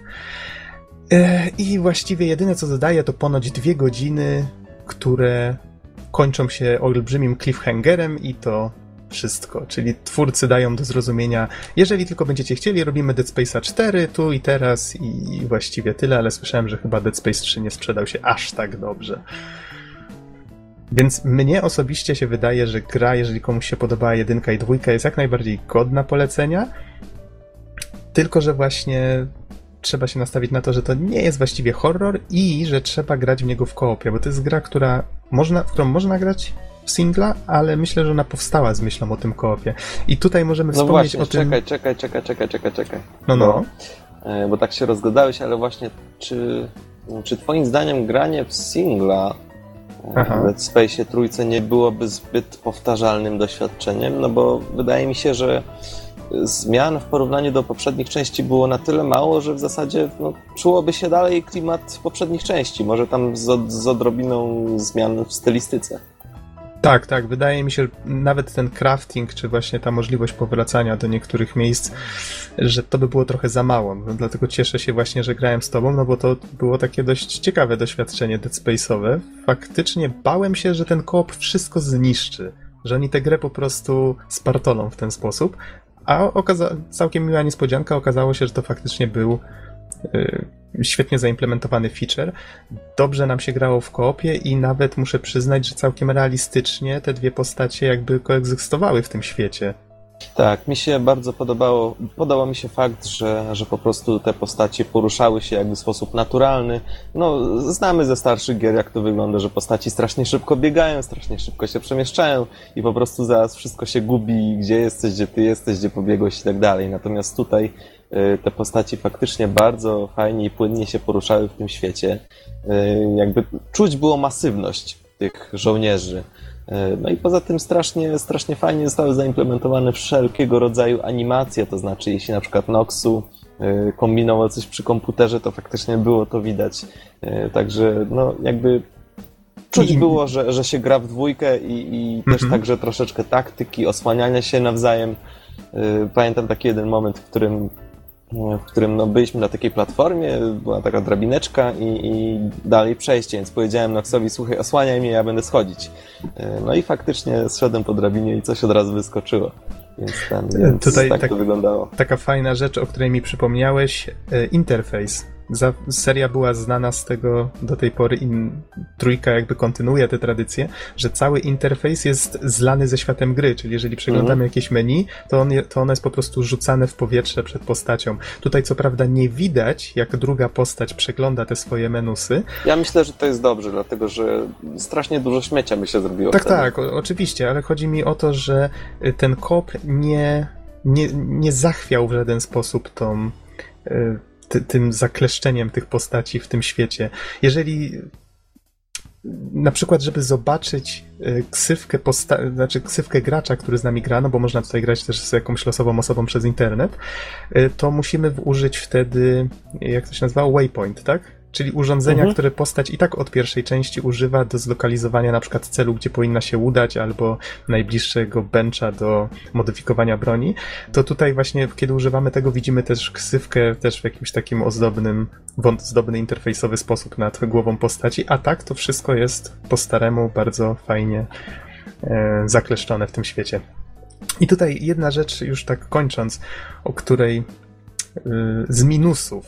Ja, ja bym wymienił jedną rzecz, mianowicie ja miałem jakieś takie dziwne przycięcia czasami, ale to już pominimy, bo z Donem nie byliśmy zgodni co z tego, czym one mogą być powodowane. U Dona gra działała płynnie, u Tak, mnie ja czasami... myślę, że, ja myślę, że to po prostu było związane z problemem z twoim komputerem, dlatego że no, pozwolę sobie przytoczyć e, pewien no, anegdotkę, czy nie anegdotkę, że po prostu kiedy przed włączeniem gry wyłączyłeś Skype, nie Skype i te wszystkie inne zbędne programy, no to stwierdziłeś, o, już teraz mniej przycina, także no, No, ale myślę, na że to jednak był problem sprzętu. Ale na przykład następnym razem już ten sposób nie zadziałał, więc wydaje mi się, że to nie do końca. Ja bym to zrzucał na internet. No niestety akurat przez święta nie, nie korzystałem z tego swojego szybkiego internetu, tylko musiałem z tego wolniejszego, więc y, to mogło być tym spowodowane.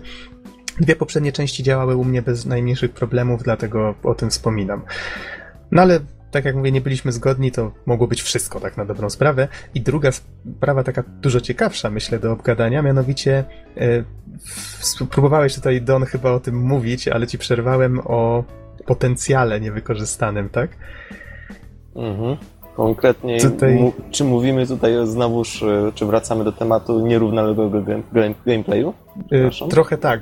Tutaj Norbert próbował zadać to pytanie, ale też żeśmy mu przerwali. Mianowicie, bo chłopakom żeśmy tutaj mówili o tym wcześniej, że zdarzają się momenty w fabule, powiedzmy jakaś cutscenka, kiedy jeden gracz widzi coś innego niż drugi, albo właściwie drugi gracz nie widzi nic, a jeden, o, tutaj idzie jakaś kobieta, powiedzmy zakrwawiona w śnieżycy, nie? I, I kamera się przesuwa w tę stronę, Don widzi, że moja postać patrzy w tamtą stronę, ale on nic nie widzi, a ja na przykład na swoim monitorze widzę właśnie tą zakrwawioną kobietę.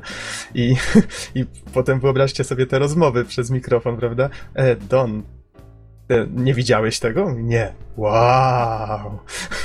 I mieliśmy nadzieję, że twórcy wykorzystają ten pomysł, te, te, I będą tworzyć, y, no po prostu najpierw nauczyli nas jakby tego motywu za pomocą prostej sytuacji, w której postać Noxa coś zobaczyła, a moja nie zobaczyła. y, I że po prostu ten motyw będzie wykorzystany i rozbudowany w dalszej części gry. Niestety bardzo się zawiedliśmy, gdyż w zasadzie pomysł został opuszczony prawie całkowicie. Pojawił się może drugi i trzeci raz i słuch po nim zaginął. Nawet w zasadzie chyba nawet nie został wytłumaczony fabularnie. Pewnie wszystko zostanie zwalone na markery, no ale nie przesadzajmy. Słyszałem, że w tym DLC postać. Jak on się nazywał? A, Carver, przepraszam. Postać Carvera, czyli tego drugiego gracza y, w DLC troszeczkę zyskuje. Staje się faktycznie ciekawsza. Być może ta jego przeszłość jest trochę wytłumaczona. No ale co nie zmienia faktu, że faktycznie y, po, po macoszemu ją potraktowano w oryginale. Chciałbym Nie- nie, powiedzieć, żeby to że jakoś na tyle y, ta postać została potraktowana na tyle po macoszemu, że właściwie wszystkie cutscenki skupiały się tylko na, Isaac, na Isaacu Clarku. I to było czasami wręcz nawet przezabawne, dlatego że y, tam w samym prologu, więc nie będzie to żaden spoiler, Isaac y, i Carver wchodzą do pomieszczenia i źli goście strzelają do obu z nich. Carver ginie, Isaac nie. Y, Isaac bierze udział w cutscence, Ty, ale E, naprawdę ja wtedy zginąłem? tak, twoja postać zginęła e, i, i ten, i właśnie yy, I chwilę potem się dlatego, pojawiła. Że, I po cutscence pojawiła się druga. A zginęła Drugi na pewno, a zginęła na pewno dlatego, że przeciwnicy wyraźnie powiedzieli, że o, jeszcze ten, ten Isaac Clarke jeszcze żyje, a ten tamten już nie. I co jest zabawne, w innych scenach, na przykład kiedy właśnie na tym akcja, na, na pociągu była akcja i trzeba było A, skoczyć. pamiętam. Y, to wtedy kamera także skupiła się na Isaacu, a o Carverze jakby, jakby on w ogóle gdzieś zniknął. I nagle Czyli okazuje się, że drugi Carver y, podaje rękę Isaacowi, żeby ten mógł wejść do środka. Czyli jakby ja to zinterpretowałem tak, że, że po prostu, no nie wiem, że, że je, postać Noxa co chwilę ginie i w dalszych etapach gry pojawiają się jej klony. S- Słuchaj, ja, ja już wiem jak to było. Było trzech karwerów. I trzeciego poznajesz w prologu i już z nim się trzymasz do końca. A- Ale nie, tak faktycznie, tak, tak, były tam takie rzeczy i wydaje mi się, że to są przeoczenia twórców, ale Znaczy, to, to jakby... one mają więcej sensu jak Mhm. się gra w singlu na pewno. No tak, tyle że to po prostu jakby sugerowało, że ten tryb koopa w pewnych momentach został potraktowany no tak dodatkowo zupełnie. I mnie to strasznie, mnie to strasznie zmartwiło, dlatego że bałem się, że reszta gry też będzie tak wyglądała, że to będzie gra na singla z dodatkową postacią niezupełnie nieważną, która się będzie kręcić gdzieś w okolicy. Mhm. Ale tak jak już żeśmy wspominali, myślę, że możemy to potraktować jako podsumowanie, bo chyba już żeśmy wyczerpali temat. Nie sugerujcie się początkiem, grajcie w koopie i myślę, że jeżeli lubiliście poprzednie części, a nawet jak nie lubiliście, to tutaj spójrzcie na Dona. Myślę, że warto zagrać. Fajna gra akcji z odrobiną dreszczyku, dużo fajnej współpracy. Teraz na przykład gram, jestem chyba w połowie Resident Evil 6 i wydaje mi się, że Dead Space 3 jest chyba nawet ciekawszą grą od Residenta, ale to może jeszcze zweryfikuję jak, jak ukończę. Na pewno będzie recenzja. To ode mnie jeszcze słowem podsumowania, że jako no, pierwsza gra z serii, z którą miałem do czynienia, yy, początkowo faktycznie wyglądało to dosyć mizernie i Call of Dutyzacja dała się we znaki bardzo mocno.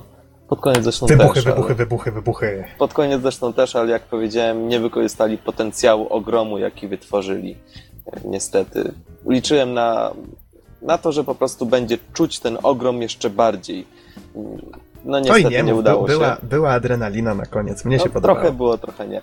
E, W każdym razie, e, w każdym razie w środku gra faktycznie się bardziej stonowała. M, Było dużo fajnych momentów kooperacyjnych. E, Pewne podejścia do nierównoległego gameplayu, co mi się podobało. Nie było to jakoś specjalnie mocno rozwinięte, ale zawsze miła odmiana. E, No i oczywiście wspólna walka z nekromorfami, osłanianie się nawzajem, ucieczki, jakieś wszystkie inne tego typu sytuacje, które wytwarzają się zawsze na koopie, także się pojawiły, więc ostatecznie, chociaż gra mm, nie, chyba nie będzie grą roku moją, y, ale, y, ale myślę, że, że była naprawdę bardzo przyjemna i no, grajcie w nią na koopie, tak jak powiedział Nox. Myślę, że to jest takie dosyć ważne zalecenie. Jeśli będziecie mieli kogoś, z kim możecie w nią zagrać, to, to zagrajcie, bo myślę, że warto. I myślę, że tym akcentem Czyli możemy doktor skończyć. Luigi przepisuje. Czyli co?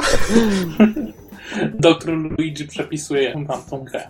Terapię Dead na katar i choroby umysłowe. E, Bizonie, przepraszamy cię bardzo, że zajęliśmy tyle czasu. Wow, trochę nawet za dużo żeśmy go zajęli. E, Ale Powiedz, bardzo, czy zmieścisz... bardzo dobra robota. Tak, tak, podobało wam się? Tak. No to okej, w porządku. E, Bizonie, powiedz, czy zmieścisz się z recenzją? No jasne, że tak. No to Dlaczego super. nie? W takim razie od razu lecimy z tym koksem. Raz a- się żyje, panowie. Raz się żyje, a naszym koksem na dzisiaj jest jakiś Rzymianin. Czy Rice to jest imię, czy to jest jakiś... Skąd się wziął tytuł Rice, Son of Rome?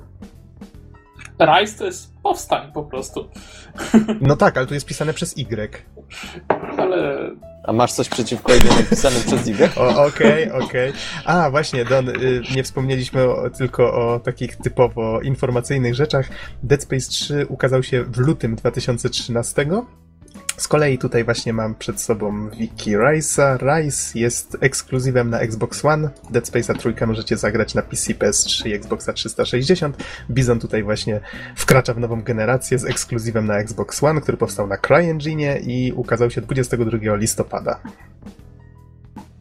I myślę, Bizonie, że tutaj mogę oddać ci pałeczkę, ja się już nagadałem. Powiedz, Okej. o czym jest Rise. okej.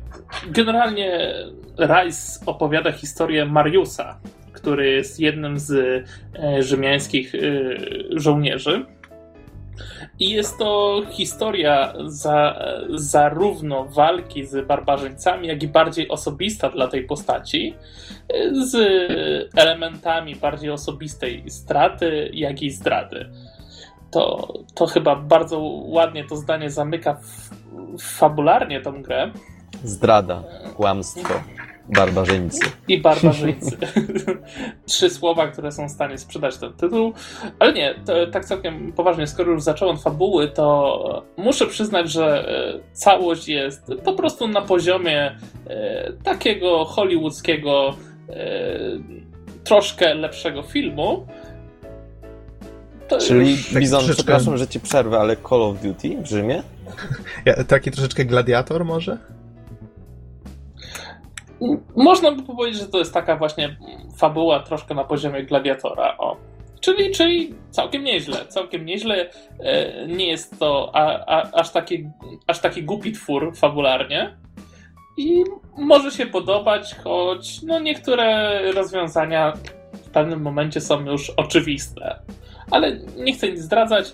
E, ogólnie fabuła po prostu na plus. I ta fabuła pcha nas przez kolejne miejsca, będąc oczywiście prowokacją do wybijania kolejnych barbarzyńców, tudzież innych ludzi. Ale czekaj, Bizon, przepraszam, ale nie, nie ma tu zombie. Coś, coś. Y, znaczy, widziałem, jak od, odciął przeciwnikowi rękę Rice i to w zasadzie tak trochę jak zombie, ale.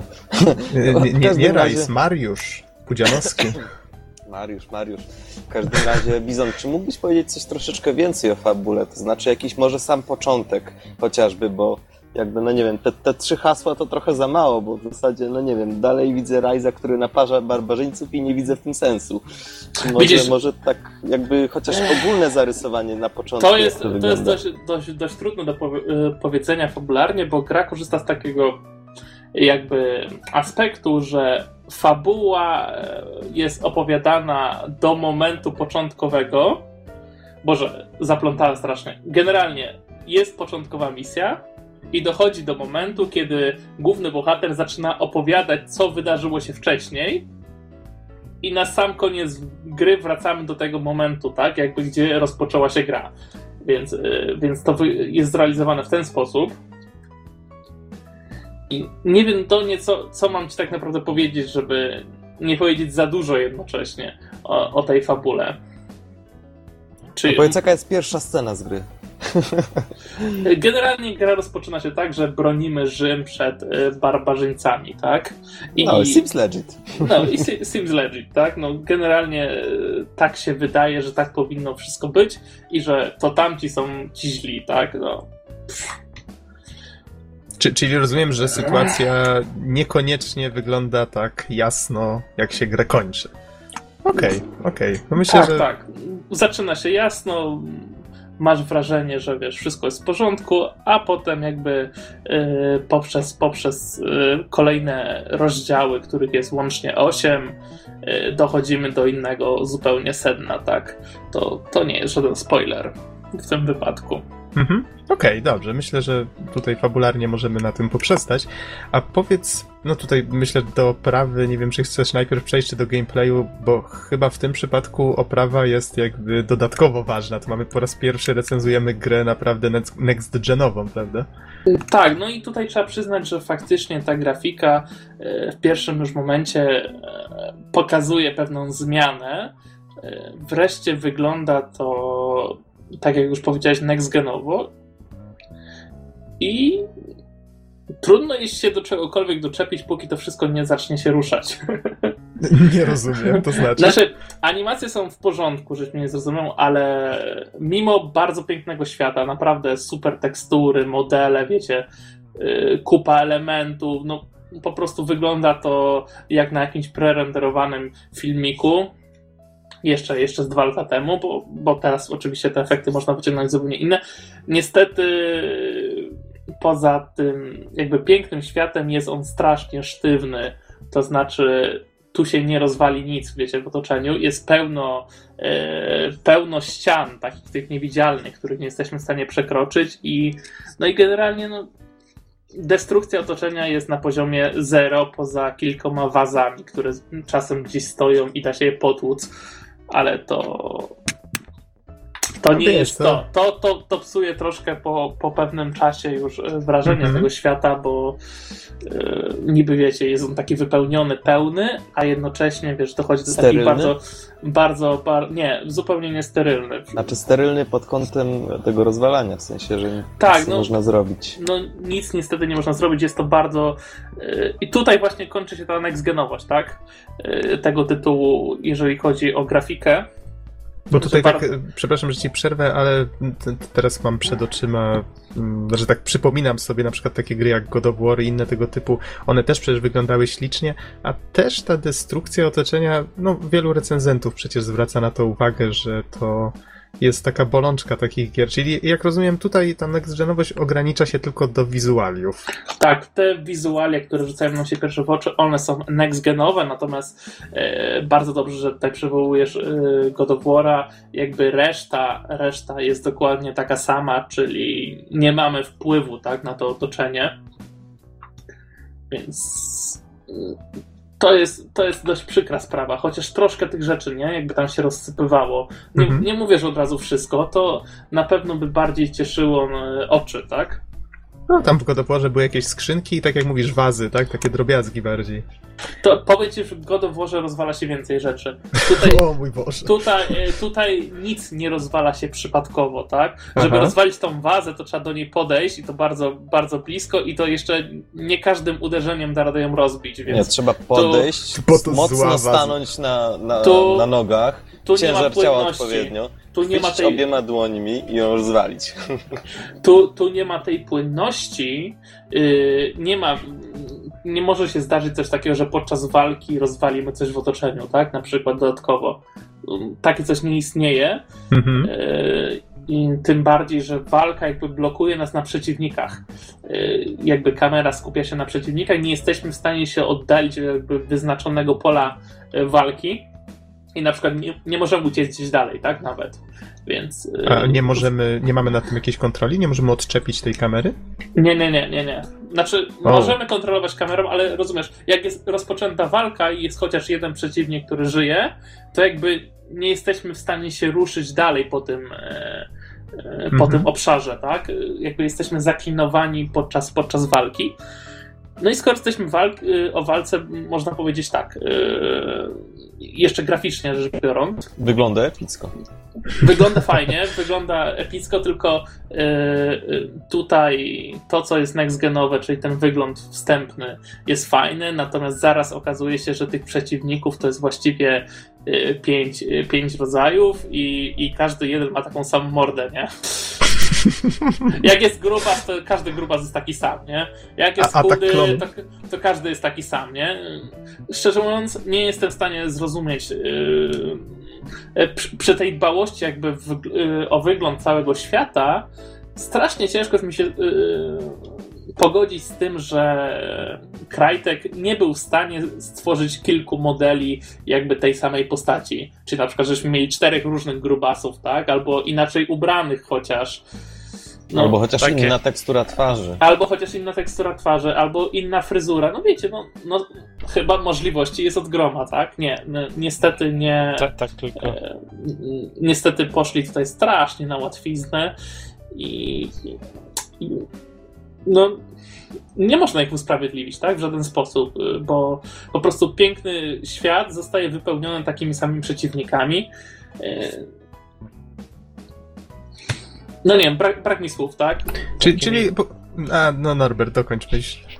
takimi samymi grubasami, e, a tak, tak na serio to, to mi się przypomniało jak to już przecież od ładnych kilku lat w serii Total War, gdzie mamy wiecie, bitwy po kilka tysięcy jednostek, każdy żołnierz z tych jed... z, nie wiem, z- jednostki wygląda inaczej. Ma inną twarz, czasem inną czapkę, inną zbroję, inne tego typu rzeczy, więc To akurat, trochę akurat w Napoleonie i w Empire był z tym duży problem, ale, ale i tak jest lepiej niż opisuje to Bizon.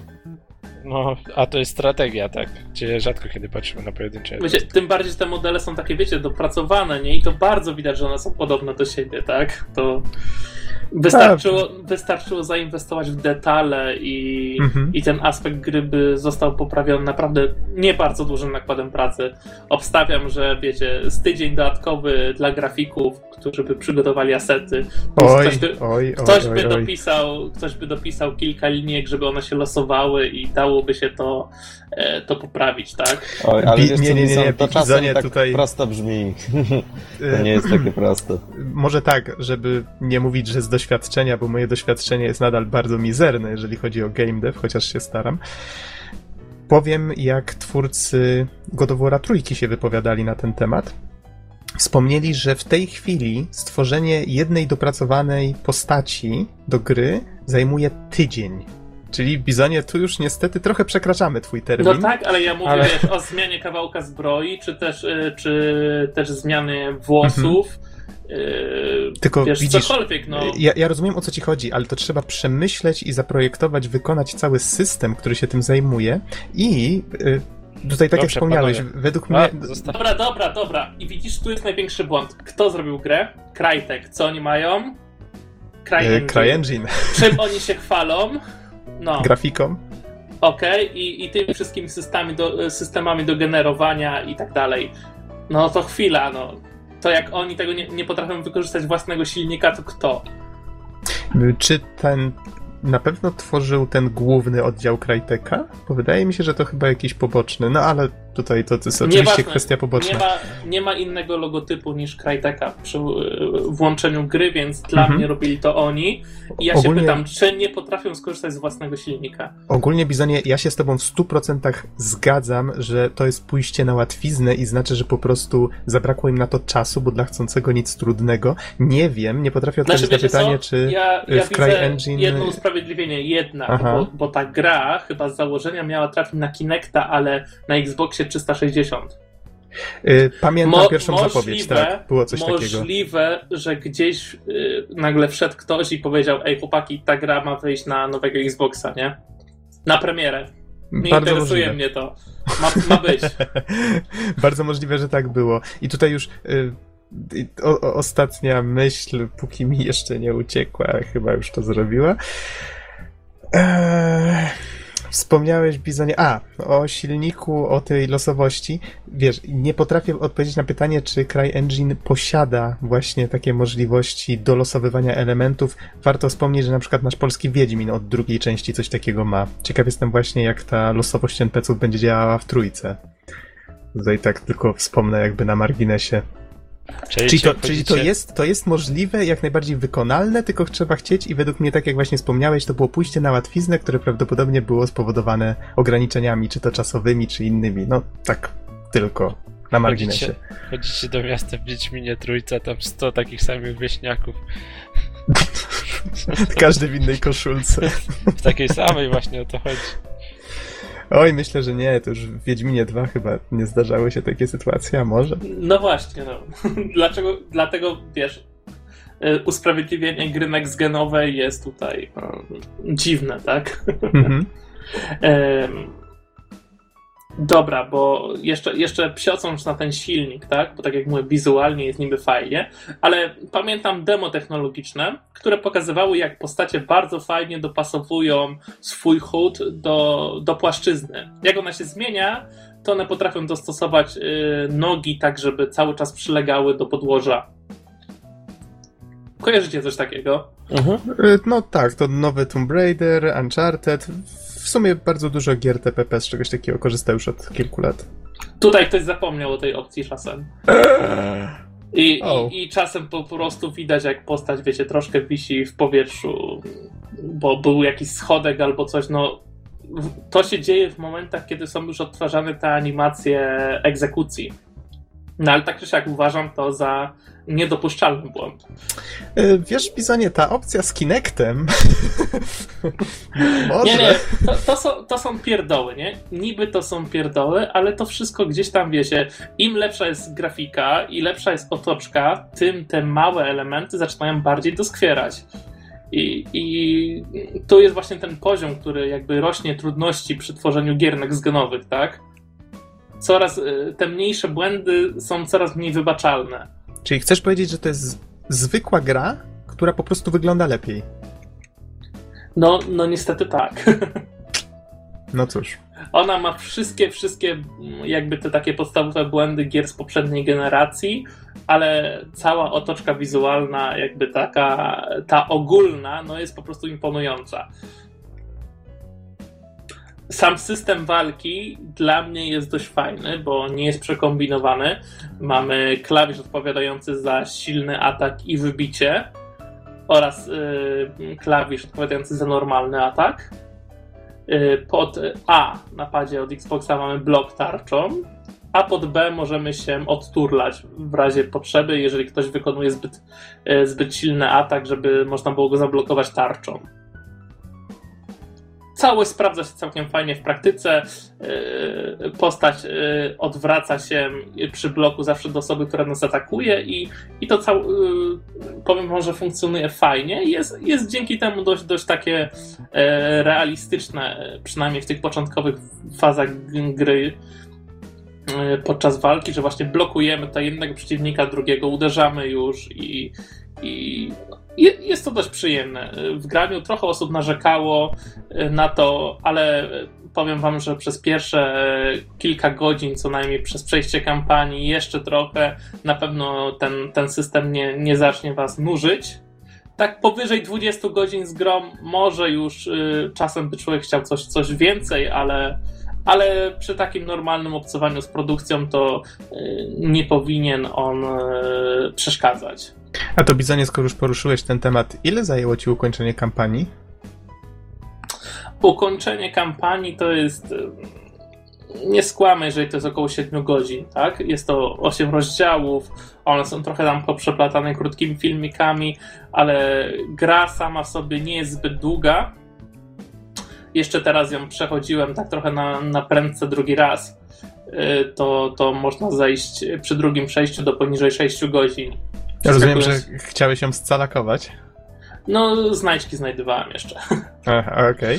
A, A bo- zaraz do znajdziek jeszcze wrócimy, bo to też jest pewien aspekt, o którym trzeba porozmawiać, Mhm. ale Może To- to czekaj, jeszcze za Bizon. chwilę. Ja Bo- jeszcze bo mnie jedno pytanko. Sekundkę, do, Jedno. jedna rzecz tylko, bo mnie tutaj Mhm. Bizon zaintrygował tymi 20 godzinami. Skąd to się wzięło? znaczy, no bo, bo ja spędziłem z grą prawie z 30 godzin, nie, na ten moment. Ile? To ile razy ją przeszedłeś? No jest jeszcze multi. Aha, no to jest ważna rzecz. Dobra, Don, kontynuuj. Y, Ja mam jeszcze jedno pytanie a propos walk y, i odcinania kończyn. Czy to jest y, system, który no, działa tak troszeczkę w sposób, no, mm, w jaki my go użyjemy, czy to jest zupełnie ustalone od początku? To są niestety tylko egzekucje, które są z góry jakby wyreżyserowane. Aha, Nie. czyli jak ktoś chce dobrze poodrąbywać kończyny, zapraszamy do Dead Space'a. Tak, no tutaj niestety nie ma. To, to jest, w zależności jaka nam się tam animacja wylosuje tej egzekucji, to taka jest odgrywana. E, Z ciekawostek, tutaj ktoś już o tym na pewno wspominał, e, są to takie quick time eventy, jeżeli chodzi o te egzekucje, tylko wciskanie przycisków nie jest obowiązkowe. To znaczy... Możesz To znaczy, machać że- do Kinecta? To znaczy, że jak Takie. To znaczy, że jak nie naciśniesz klawisza, to nie ma konsekwencji. I jakby animacja i tak odegra się do końca. Tylko może, nie wiem, zrobi to wolniej? po co? Znaczy, chyba mniejszy jest bonus y, doświadczenia, jeżeli nie wciskamy klawiszy, ale też jakoś tego tak nie zauważyłem, więc załóżmy, że konsekwencje są zerowe. Ej, graczu, dobij tego barbarzyńcę. No naciśnij ten guzik. A, nie chce ci się. Dobra, ciach. Nie wiem, wydaje mi taki- się, że oni jakby nie chcieli. Mm, znaczy, te animacje że są takie jakby. No nie, wydaje mi się z tego, co mówisz, że te animacje są na tyle sterylne, że po prostu y, jakby jeśli już zaczyna się egzekucja, to oni nie chcieli, żeby była przerywana, bo to by rodziło kolejne jakieś animacje do zrobienia i tak dalej. A wiesz co, to nie jest głupie jakby rozumowanie. Wydaje mi się, że tak mogło nawet być. Jeżeli weźmiemy faktycznie tą opcję z Kinectem i z oszczędnością czasu. No nie wiem, w God of dało się jakoś to przerwać, tak? No, chociaż tutaj no, te egzekucje są takie, no, że tak powiem, 100% ostateczne, tak? Tutaj od razu pierwszym ciosem właściwie wiadomo, że, e, że ta osoba nie przeżyje, tak? Którą zaatakowaliśmy tą egzekucją, więc mm, nie, nie dałoby się z tego wycofać tak naprawdę, tak? Mi się przypomniało War of the Roses, gdzie kolesiowi można zacząć odcinać głowę, już mu przywalić toporem czy tarczą, tak że ta głowa jest odcięta. A, ale jeżeli ktoś w tym czasie podbiegnie i szturchnie nas jakimś stulecikiem delikatnie, to, to, to egzekucja jest przerywana i tamtego kolesia można jeszcze podnieść i będzie żył dalej. Mimo, że przed tym wiecie, tarcza mu łeb odcięła. Ale on ma ten łeb potem? Mama. W sensie, o, on, wiesz, ta głowa się nigdzie nie odturluje, ani nie, ta gra nie jest na tyle szczegółowa, żebyś wiedział, że ten, tylko widać, że no tarcza ląduje jednak w środku szyi, tak? No, Oj tam, oj tam. To jest flesh wound, powierzchowna rana. Nie takie demony ze, ze, ze, ze szwagrem powalali, więc da radę. No dobrze, Bizonie, powiedz mi, czy jeszcze o czymś nie wspomniałeś a propos singla, bo tutaj zaskoczyłeś mnie z multi. Jeszcze, jeszcze, jeszcze rozmawiamy o tych egzekucjach cały czas. Aha, Ge- aha. Generalnie no, jeszcze będzie kilka takich pierdołowatych aspektów, które musimy poruszyć, bo obiecałem sobie jeszcze a propos pytania chyba do nas z początku podcastu, że po prostu będę upierdliwym recenzentem od tego roku, bo, bo, O. bo, bo niektóre rzeczy po prostu nie powinny y, mieć miejsca i, i będę się zwyczajnie czepiał, bo mam prawo, o. Egzekucje, egzekucje generalnie dzielą się na pojedyncze i podwójne. Kto czyli... Bizonowi zabroni, nie? Czyli jeżeli dwie postacie jakby dookoła nas mają natłuczone wystarczająco, żeby zrobić egzekucję, wtedy pojawia się taka czaszka nad ich głową, to wtedy odpalamy jeszcze podwójną egzekucję i wtedy jakby podczas jednej animacji zabijane są dwie, e, dwie postacie. I teraz po prostu niewyobrażalna sprawa. Wyobraźcie sobie, że ci przeciwnicy potrafią się po prostu przysunąć do nas w momencie, kiedy naciśniemy klawisz egzekucji. To jest Oni, niewyobrażalne. oni gdzieś, tam, gdzieś tam stoją i wiecie, i, ale to nie jest tak, że oni wykonują krok do nas. Chodzi o to, że się model przesuwa w powietrzu. Po prostu się przesuwa model, nie? Po plansz tak pszt, i oni, są, I oni są wtedy już w odpowiednich pozycjach, żeby odegrała się animacja. I ile ta gra kosztowała? Next gun in your face, motherfucker. I, niestety, dare you. niestety to jest widoczny, widoczny manewr, że po prostu ta postać się wiecie, przesuwa, nie? W odpowiednią pozycję, żeby odegrała się animacja. No kurde, naprawdę. Nie no, ale tekstury są super jakości, panowie, nie, no, tekst- narzekajmy. Tekstury, tekstury są super jakości. A do tego jeszcze czasem wychodzi tak, że przy animacjach e, rzadko, bo rzadko, ale są jednak jakieś przeniknięcia modeli.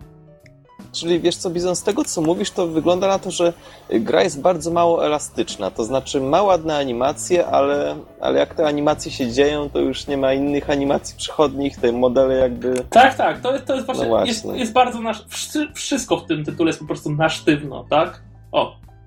Nie, nie ma tego łączenia animacji, takiego jak na przykład w Uncharted. Zapomnijcie o tym, no niestety. Niestety i, i, i bardzo się właśnie dziwię, że studio, Takie- które tak reklamuje swój silnik, nie jest w stanie z niego korzystać. Czyli Takie bajery, No, takie Norbert, bajery tak. tylko na starej generacji. Czyli wiesz, Bizonie, po tym wszystkim, co powiedziałeś, faktycznie wydaje mi się, że to wskazuje na to, że oni robili tę grę po to, żeby była takim ładnym cukierkiem do pokazania na screenach, że no, zobaczcie, teraz ta grafika taka śliczna, kupujcie konsolę, nie? Myślę, że to dużo w tym prawdy faktycznie może być. No nic, no jak zapomnimy o tych rzeczach, o których wspomniałem, no to generalnie grę się przechodzi fajnie, jest dość sympatycznie, jest ładnie mimo wszystko, tak? No bo nie można powiedzieć, że nie jest, no bo jest ślicznie, zwyczajnie. I, i jest to naprawdę przyjemna produkcja. Do tego mam kilka poziomów trudności oczywiście do wyboru, z czego ostatni legendarny odblokuje się dopiero po przejściu raz gry. Aha, słuchajcie, jeszcze tylko a propos ostatniego tematu, właśnie oglądam fragment gameplayu, który dzieje się na schodach. E, Nogi postaci e, podczas wykonywania animacji, czy to egzekucji, czy to e, innych, takich nieprzerywalnych, wtapiają się w schody. I to bardzo mocno widać. No, czyli tak jak tutaj mówiliście, statyczna animacja, która nie ma żadnego blendingu czy dostosowania do powierzchni. No, cóż, no, bolączka niektórych gier. Next genowych. No nic, zapomnijmy, zapomnijmy już o tym. Zapomnijmy już o tym, no faktycznie. Bo Bizon mówi przecież, że w grę gra się całkiem fajnie, no to jest ważne. Może po prostu oczekiwania wobec nowej generacji mamy trochę za wysokie, no kto wie. Znaczy, to, to, Znaczy, to strasznie kontrastuje po prostu, tak? To, to jest Mhm. to. Tytuł startowy, to też trzeba wziąć pod uwagę. Też prawda. Dobra. Wiecie, jest też teoria taka ogólna twierdząca, że, według której najlepsze gry na daną konsolę wychodzą pod koniec jej życia, więc mamy jeszcze dużo czasu na to, żeby coś ładnego się pojawiło na Xbox Umarł One. król, niech żyje król. Bizonie, multi. No, kurde, czy ty będziesz mnie tak pospieszał z całą tą grą? A nie, przepraszam, ja myślałem, że już skończyłeś Ja, te single. ja, ja jestem tutaj w nowej generacji i pora zabrać się za Smart Glass. O. Dokładnie. To Ale powiem wam, A to że przypomnij, co to było, żeby... generalnie Smart Glass jest to taki fa- fajny dodatek, który y, pozwala uruchamiać aplikacje jakby dodatkowe do gry y, na tabletach i telefonach.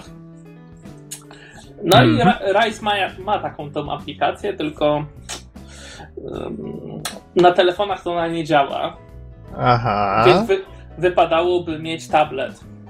Niestety mój iPad pierwszej generacji jest zbyt stary, żeby uruchomić w ogóle Smart Glassa, No cóż, więc, więc robi się problem. Został komputer z Windows 8, a że akurat nie miałem Windows 8, no to kurde, dla recenzji i znajdziek musiałem zainstalować Windows 8. Ale Oczywiście, oczywiście, poświęcenie godne pochwały. Oczywiście aplikacja Smart Glass dla Xbox One nie występuje w polskim sklepie Microsoftu, O. więc trzeba, trzeba było jeszcze się przelogować na amerykański sklep Microsoftu i upragniona aplikacja w końcu wylądowała na komputerze. Bizonie, muszę cię pochwalić za wnikliwe recenzowanie i poświęcanie się dla sprawy. Jakie, jakie recenzowanie? Achievementy chciał zdobyć. Był acik za podłączenie Smart Glassa? Nie, nie, nie, ale, ale zaraz, zaraz wam powiem do czego dążymy z tym Smart Glassem, bo tu chodzi właśnie o te znajdźki w większości, jeśli chodzi o ten tytuł. Aha.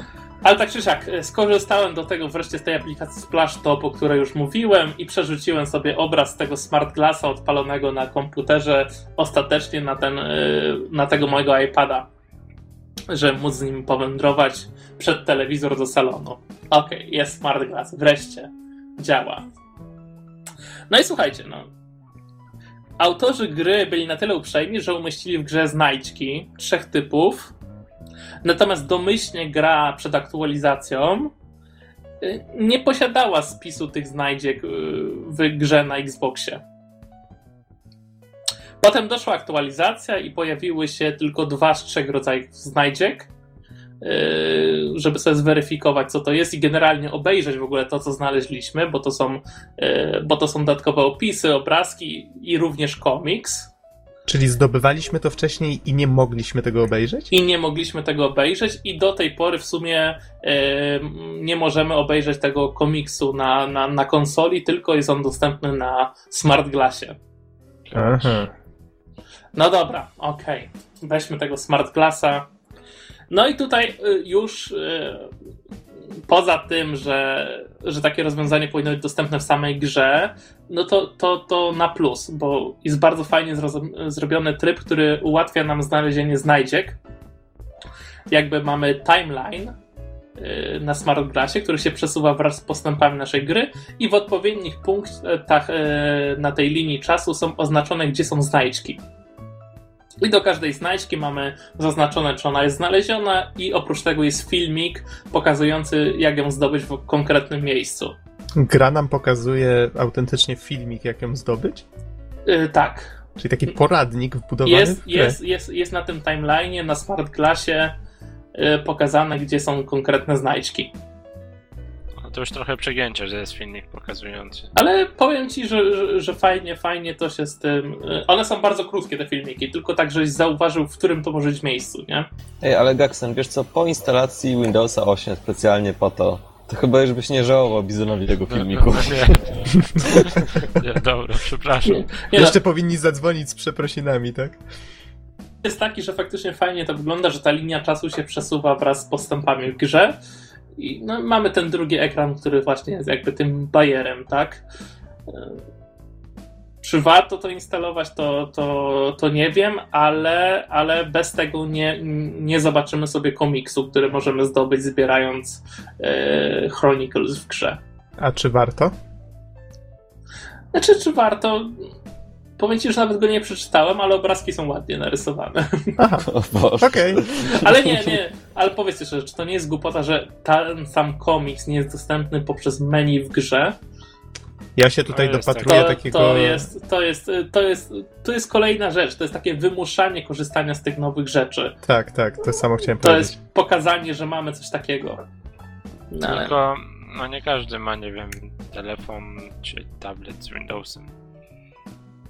No, no niestety, tak jak słyszycie, jakby zdobycie tej opcji kosztowało mnie trochę pracy. Też było samo w sobie next genowe. Ale no, musiałem to sprawdzić w praktyce i okej, działa, działa, jest, jest to nawet fajne. Jest to nawet fajne, tylko że wymuszone. Dobra, Napsu, bo, bo chciałeś multi jeszcze. No, jak to w ogóle działa? Czy to są mecze pojedyncze, czy to może są mecze grupowe? Jak to wygląda? I czy wszyscy są Mariuszem przede wszystkim? Nie, generalnie, generalnie każdy, każdy jest y, bezimiennym gladiatorem. Z tą samą twarzą. Y, Pewnie tak. Z zakrytą twarzą.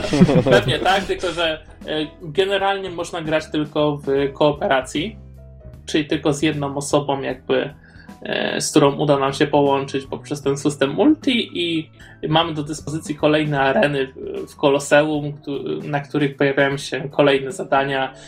E, Generalnie większość polega na tym, żeby wytłuc wszystkich przeciwników, którzy pojawią się na planszy. E, No tylko, że gramy w dwójkę, możemy się podnosić, jak jeden upadnie i całość, całość jakby tego, tego systemu rozwijają booster paki, które kupujemy za zarobione pieniążki, w których są kolejne przedmioty dla naszej postaci.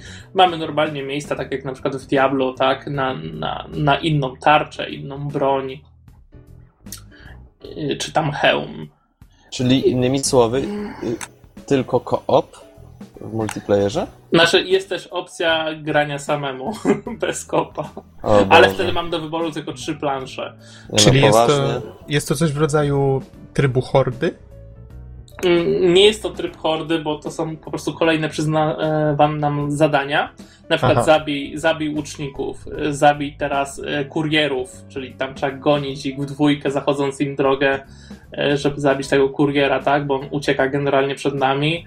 Tam zabij liderów, tak, barbarzyńców, albo y, spal wioskę, tak, to wtedy trzeba powywracać takie y, garnki, nie wiem, co oni tam gotują, Z ale oliwą jakąś. ale pewnie, pewnie jakąś taką oliwę, bo wy- wywracasz to się pali, nie? Wszystko.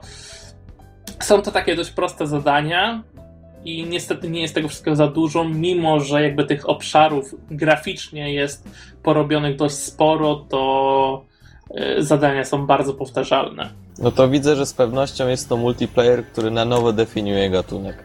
No niestety, można grać w niego długo, ale jest, jest bardzo uproszczone to rozwiązanie.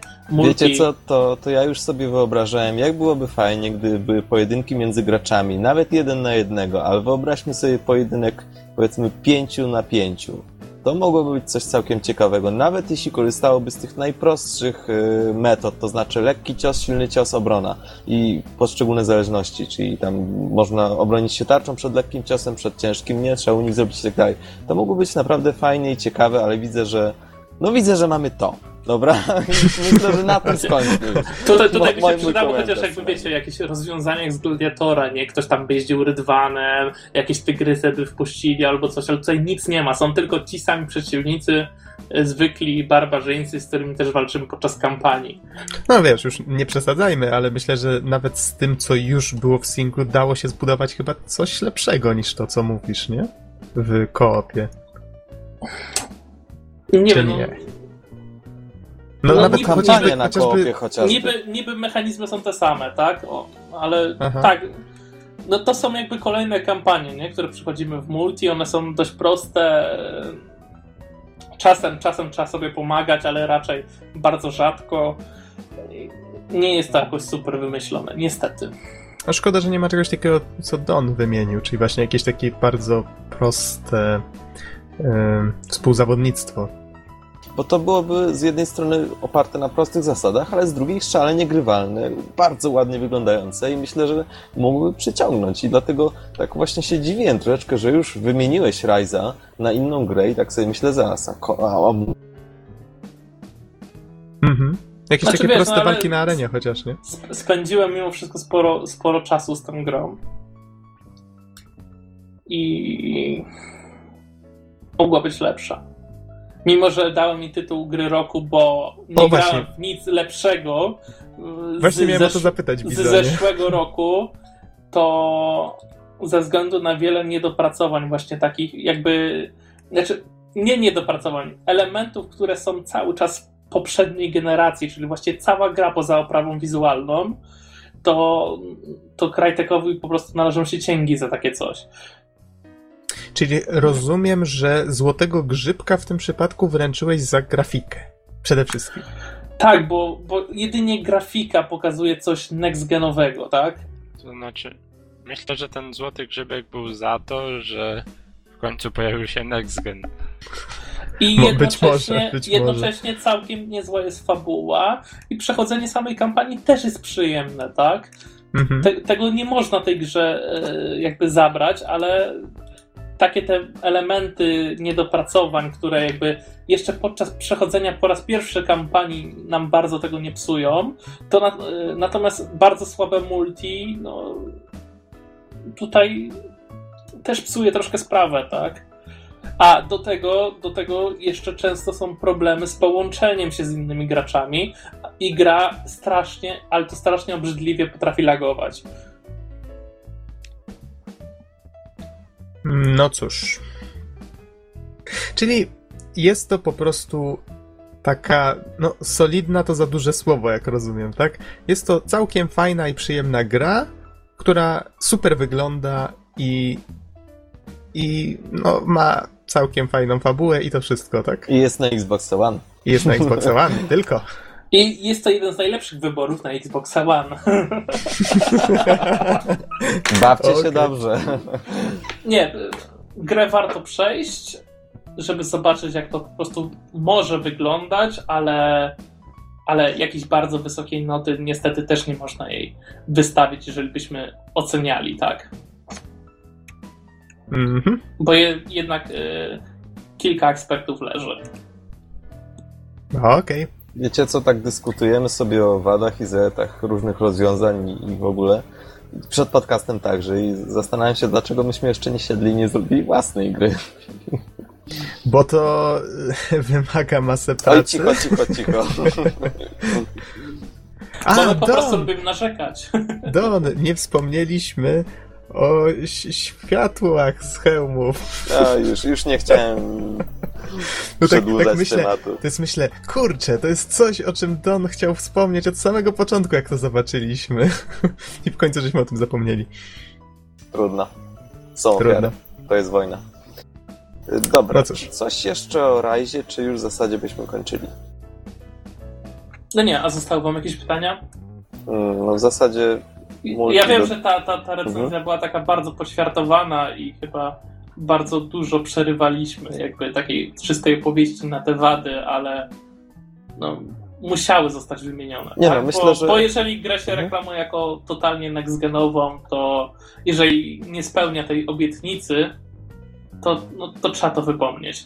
No ja myślę, że no, recenzja wyszła całkiem fajnie, dowiedziałem się wielu ciekawych rzeczy. No multi niestety bardzo mnie rozczarował, no, liczyłem na coś fajnego. Yy, Kampania, no pewnie jest takie trochę Call of Duty w Rzymie, szczerze powiedziawszy, co widziałem z trailerów i co trochę widzę z gameplayu e, w singlu, więc no więc podejrzewam, że to jest taki chyba mocny średniak e, w skali next-genowej, szczerze powiedziawszy. Jak to niektórzy mówią, pożyczyć, przejść i oddać, tak? Trochę na tej zasadzie. No, można by, można by było, chyba że właśnie chce się jeszcze troszkę tam dobić tych osiągnięć, tak? Bizon, to I- teraz powiedz, co zrobili ze swoją kopią Rise The Son of Rome? Ju- Już całkiem bardzo uczciwie wymieniłem na nowego Assassina. Myślałem, że zjadły ją lwy na arenie. Nie no, po prostu pożyczył, przeszedł i oddał. Dziękuję bardzo. No dobrze, panowie, czy Są jeszcze jakieś pytania do Bizona, czy możemy już kończyć? Bizonie, jeszcze jakieś, w sumie już podsumowanie dałeś, ale czy jeszcze jakieś słowo dodatkowe, czy, czy Już- starczy nam na dzisiaj? Już wystarczy narzekanie. Starczy narzekania. Mi okej. naprawdę, naprawdę zostanie chyba na inne tytuły w tym roku. Ale to czekaj, Bizon, to jeszcze mam je- jedno pytanie do ciebie. Czy uważasz, że po tym, co zobaczyłeś, mm, czy spodziewasz się, że w najbliższych y, grach na Next Gena, no czy one będą solidniejsze, czy po prostu obawiasz się, że, że to będzie wyglądać podobnie jak w przypadku Rise? Znaczy wiesz, y, na podstawie tego, co widzę, że się dzieje, to na razie nie spodziewam się absolutnie żadnych tytułów, tak? Które Mhm. by miały jakoś gnieść beret, ale widzę po prostu w tej grze, że dałoby się zrobić grę, która by była pozbawiona tych błędów, a jednocześnie tak wyglądała, bo sam silnik jest to w stanie bez problemu ogarnąć. I zarazem sama konsola. Mhm. A to dopiero początek generacji. No cóż, wszystko w woli twórców. Że zamiast pakować w grafikę, mogliby troszeczkę jednak popracować nad innymi mechanizmami, prawda? Wiecie, nawet, nawet bym powiedział, że się boję, nie? Że, żeby nie ogarniało, jakby się za dużo, za dużo działo, nie? Ale, ale nie, tam jest kilka takich scen w grze, że pokazują, że naprawdę można by było przerzucić dowolną ilość elementów, tak? Jakby rozwalających się jednocześnie. Jest taka scena, że e, burzy się jakiś most czy coś, który składa się naprawdę z, e, nie przesadzę, jeżeli z setek desek i one się super e, ślicznie razem z fizyką, wiecie, zachowaną rozsypują, tak? I, i, i to, to można zrobić. To dlaczego w otoczeniu nie ma chociaż kilku jakichś, kurde, skrzynek czy czegoś, które się przy okazji podczas walki rozwalają? Nie zdziwię się, jeżeli wyjdzie kontynuacja tej gry, która będzie faktycznie bardziej dopracowana. Tak jak może- powiedział Norbert, tytuł startowy, prawda? A może na dodatek jest tak jak mówiliście, że to miał być e, ten. Znaczy, wiesz co, nie, nie spodziewałbym się kontynuacji. Aha, okej. Ale to, to już nic, nic więcej nie powiem. Okej, dobra, dobrze. No jak, to może być gra o dwóch dzielnych gladiatorach. Tak, jeden z niebieskim światełkiem na hełmie, drugi z czerwonym. Aha, właśnie, w Dead Space są takie światełka z hełmu. I to, ale nie, to jest bardzo poważna sprawa, fajna, dlatego że one w ciemnych pomieszczeniach y, padają na no, przed bohaterów i widzimy te na przykład niebieskie V, czy niebieskie, krope, niebieskie kropeczki, w zależności od tego, jaki, jaki mamy hełm, co było bardzo fajnym efektem, myśmy się tym strasznie zachwycali, a potem się okazało, że ten efekt y, był na początku, potem przez 90% gry jest wyłączony, potem znowu pojawi się na chwilę, potem znowu zniknął. I Myśleliśmy, że to pewnie- bug, dopóki nie zorientowaliśmy się, że twórcy włączają to tylko w bardzo ciemnych pomieszczeniach. Trochę mnie to zdziwiło, dlatego że, no szczerze powiedziawszy, nie zajmowało to zbyt dużo pamięci. Ja to, no No, przynajmniej te, tak, tego, nie, mam... tego nie wiemy. Poczekaj, ja, ja mam taką hipotezę, no ja tak podejrzewam, ale mam taką hipotezę, że było to związane po prostu z, z tym, że nie mieliśmy ustawionych wymagań na najwyższe. Być może gdyby były ustawione na, na, na najwyższe, to faktycznie ten efekt byłby widoczny cały czas, choć oglądałem na, w internecie, na internetach gameplaye i sytuacja się powtarzała, więc nie wiem, ale światełka były fajne. Dziękuję Tak, bardzo, dobranoc. Powołamy komisję śledczą, która zbada znikające światełka z hełmów. I tym akcentem myślę, że możemy skończyć na dzisiaj ten bardzo długi podcast. Dziękujemy Wam bardzo, że dotrwaliście do końca i do usłyszenia w następnym odcinku. Trzymajcie się. Cześć. Na razie. Na razie.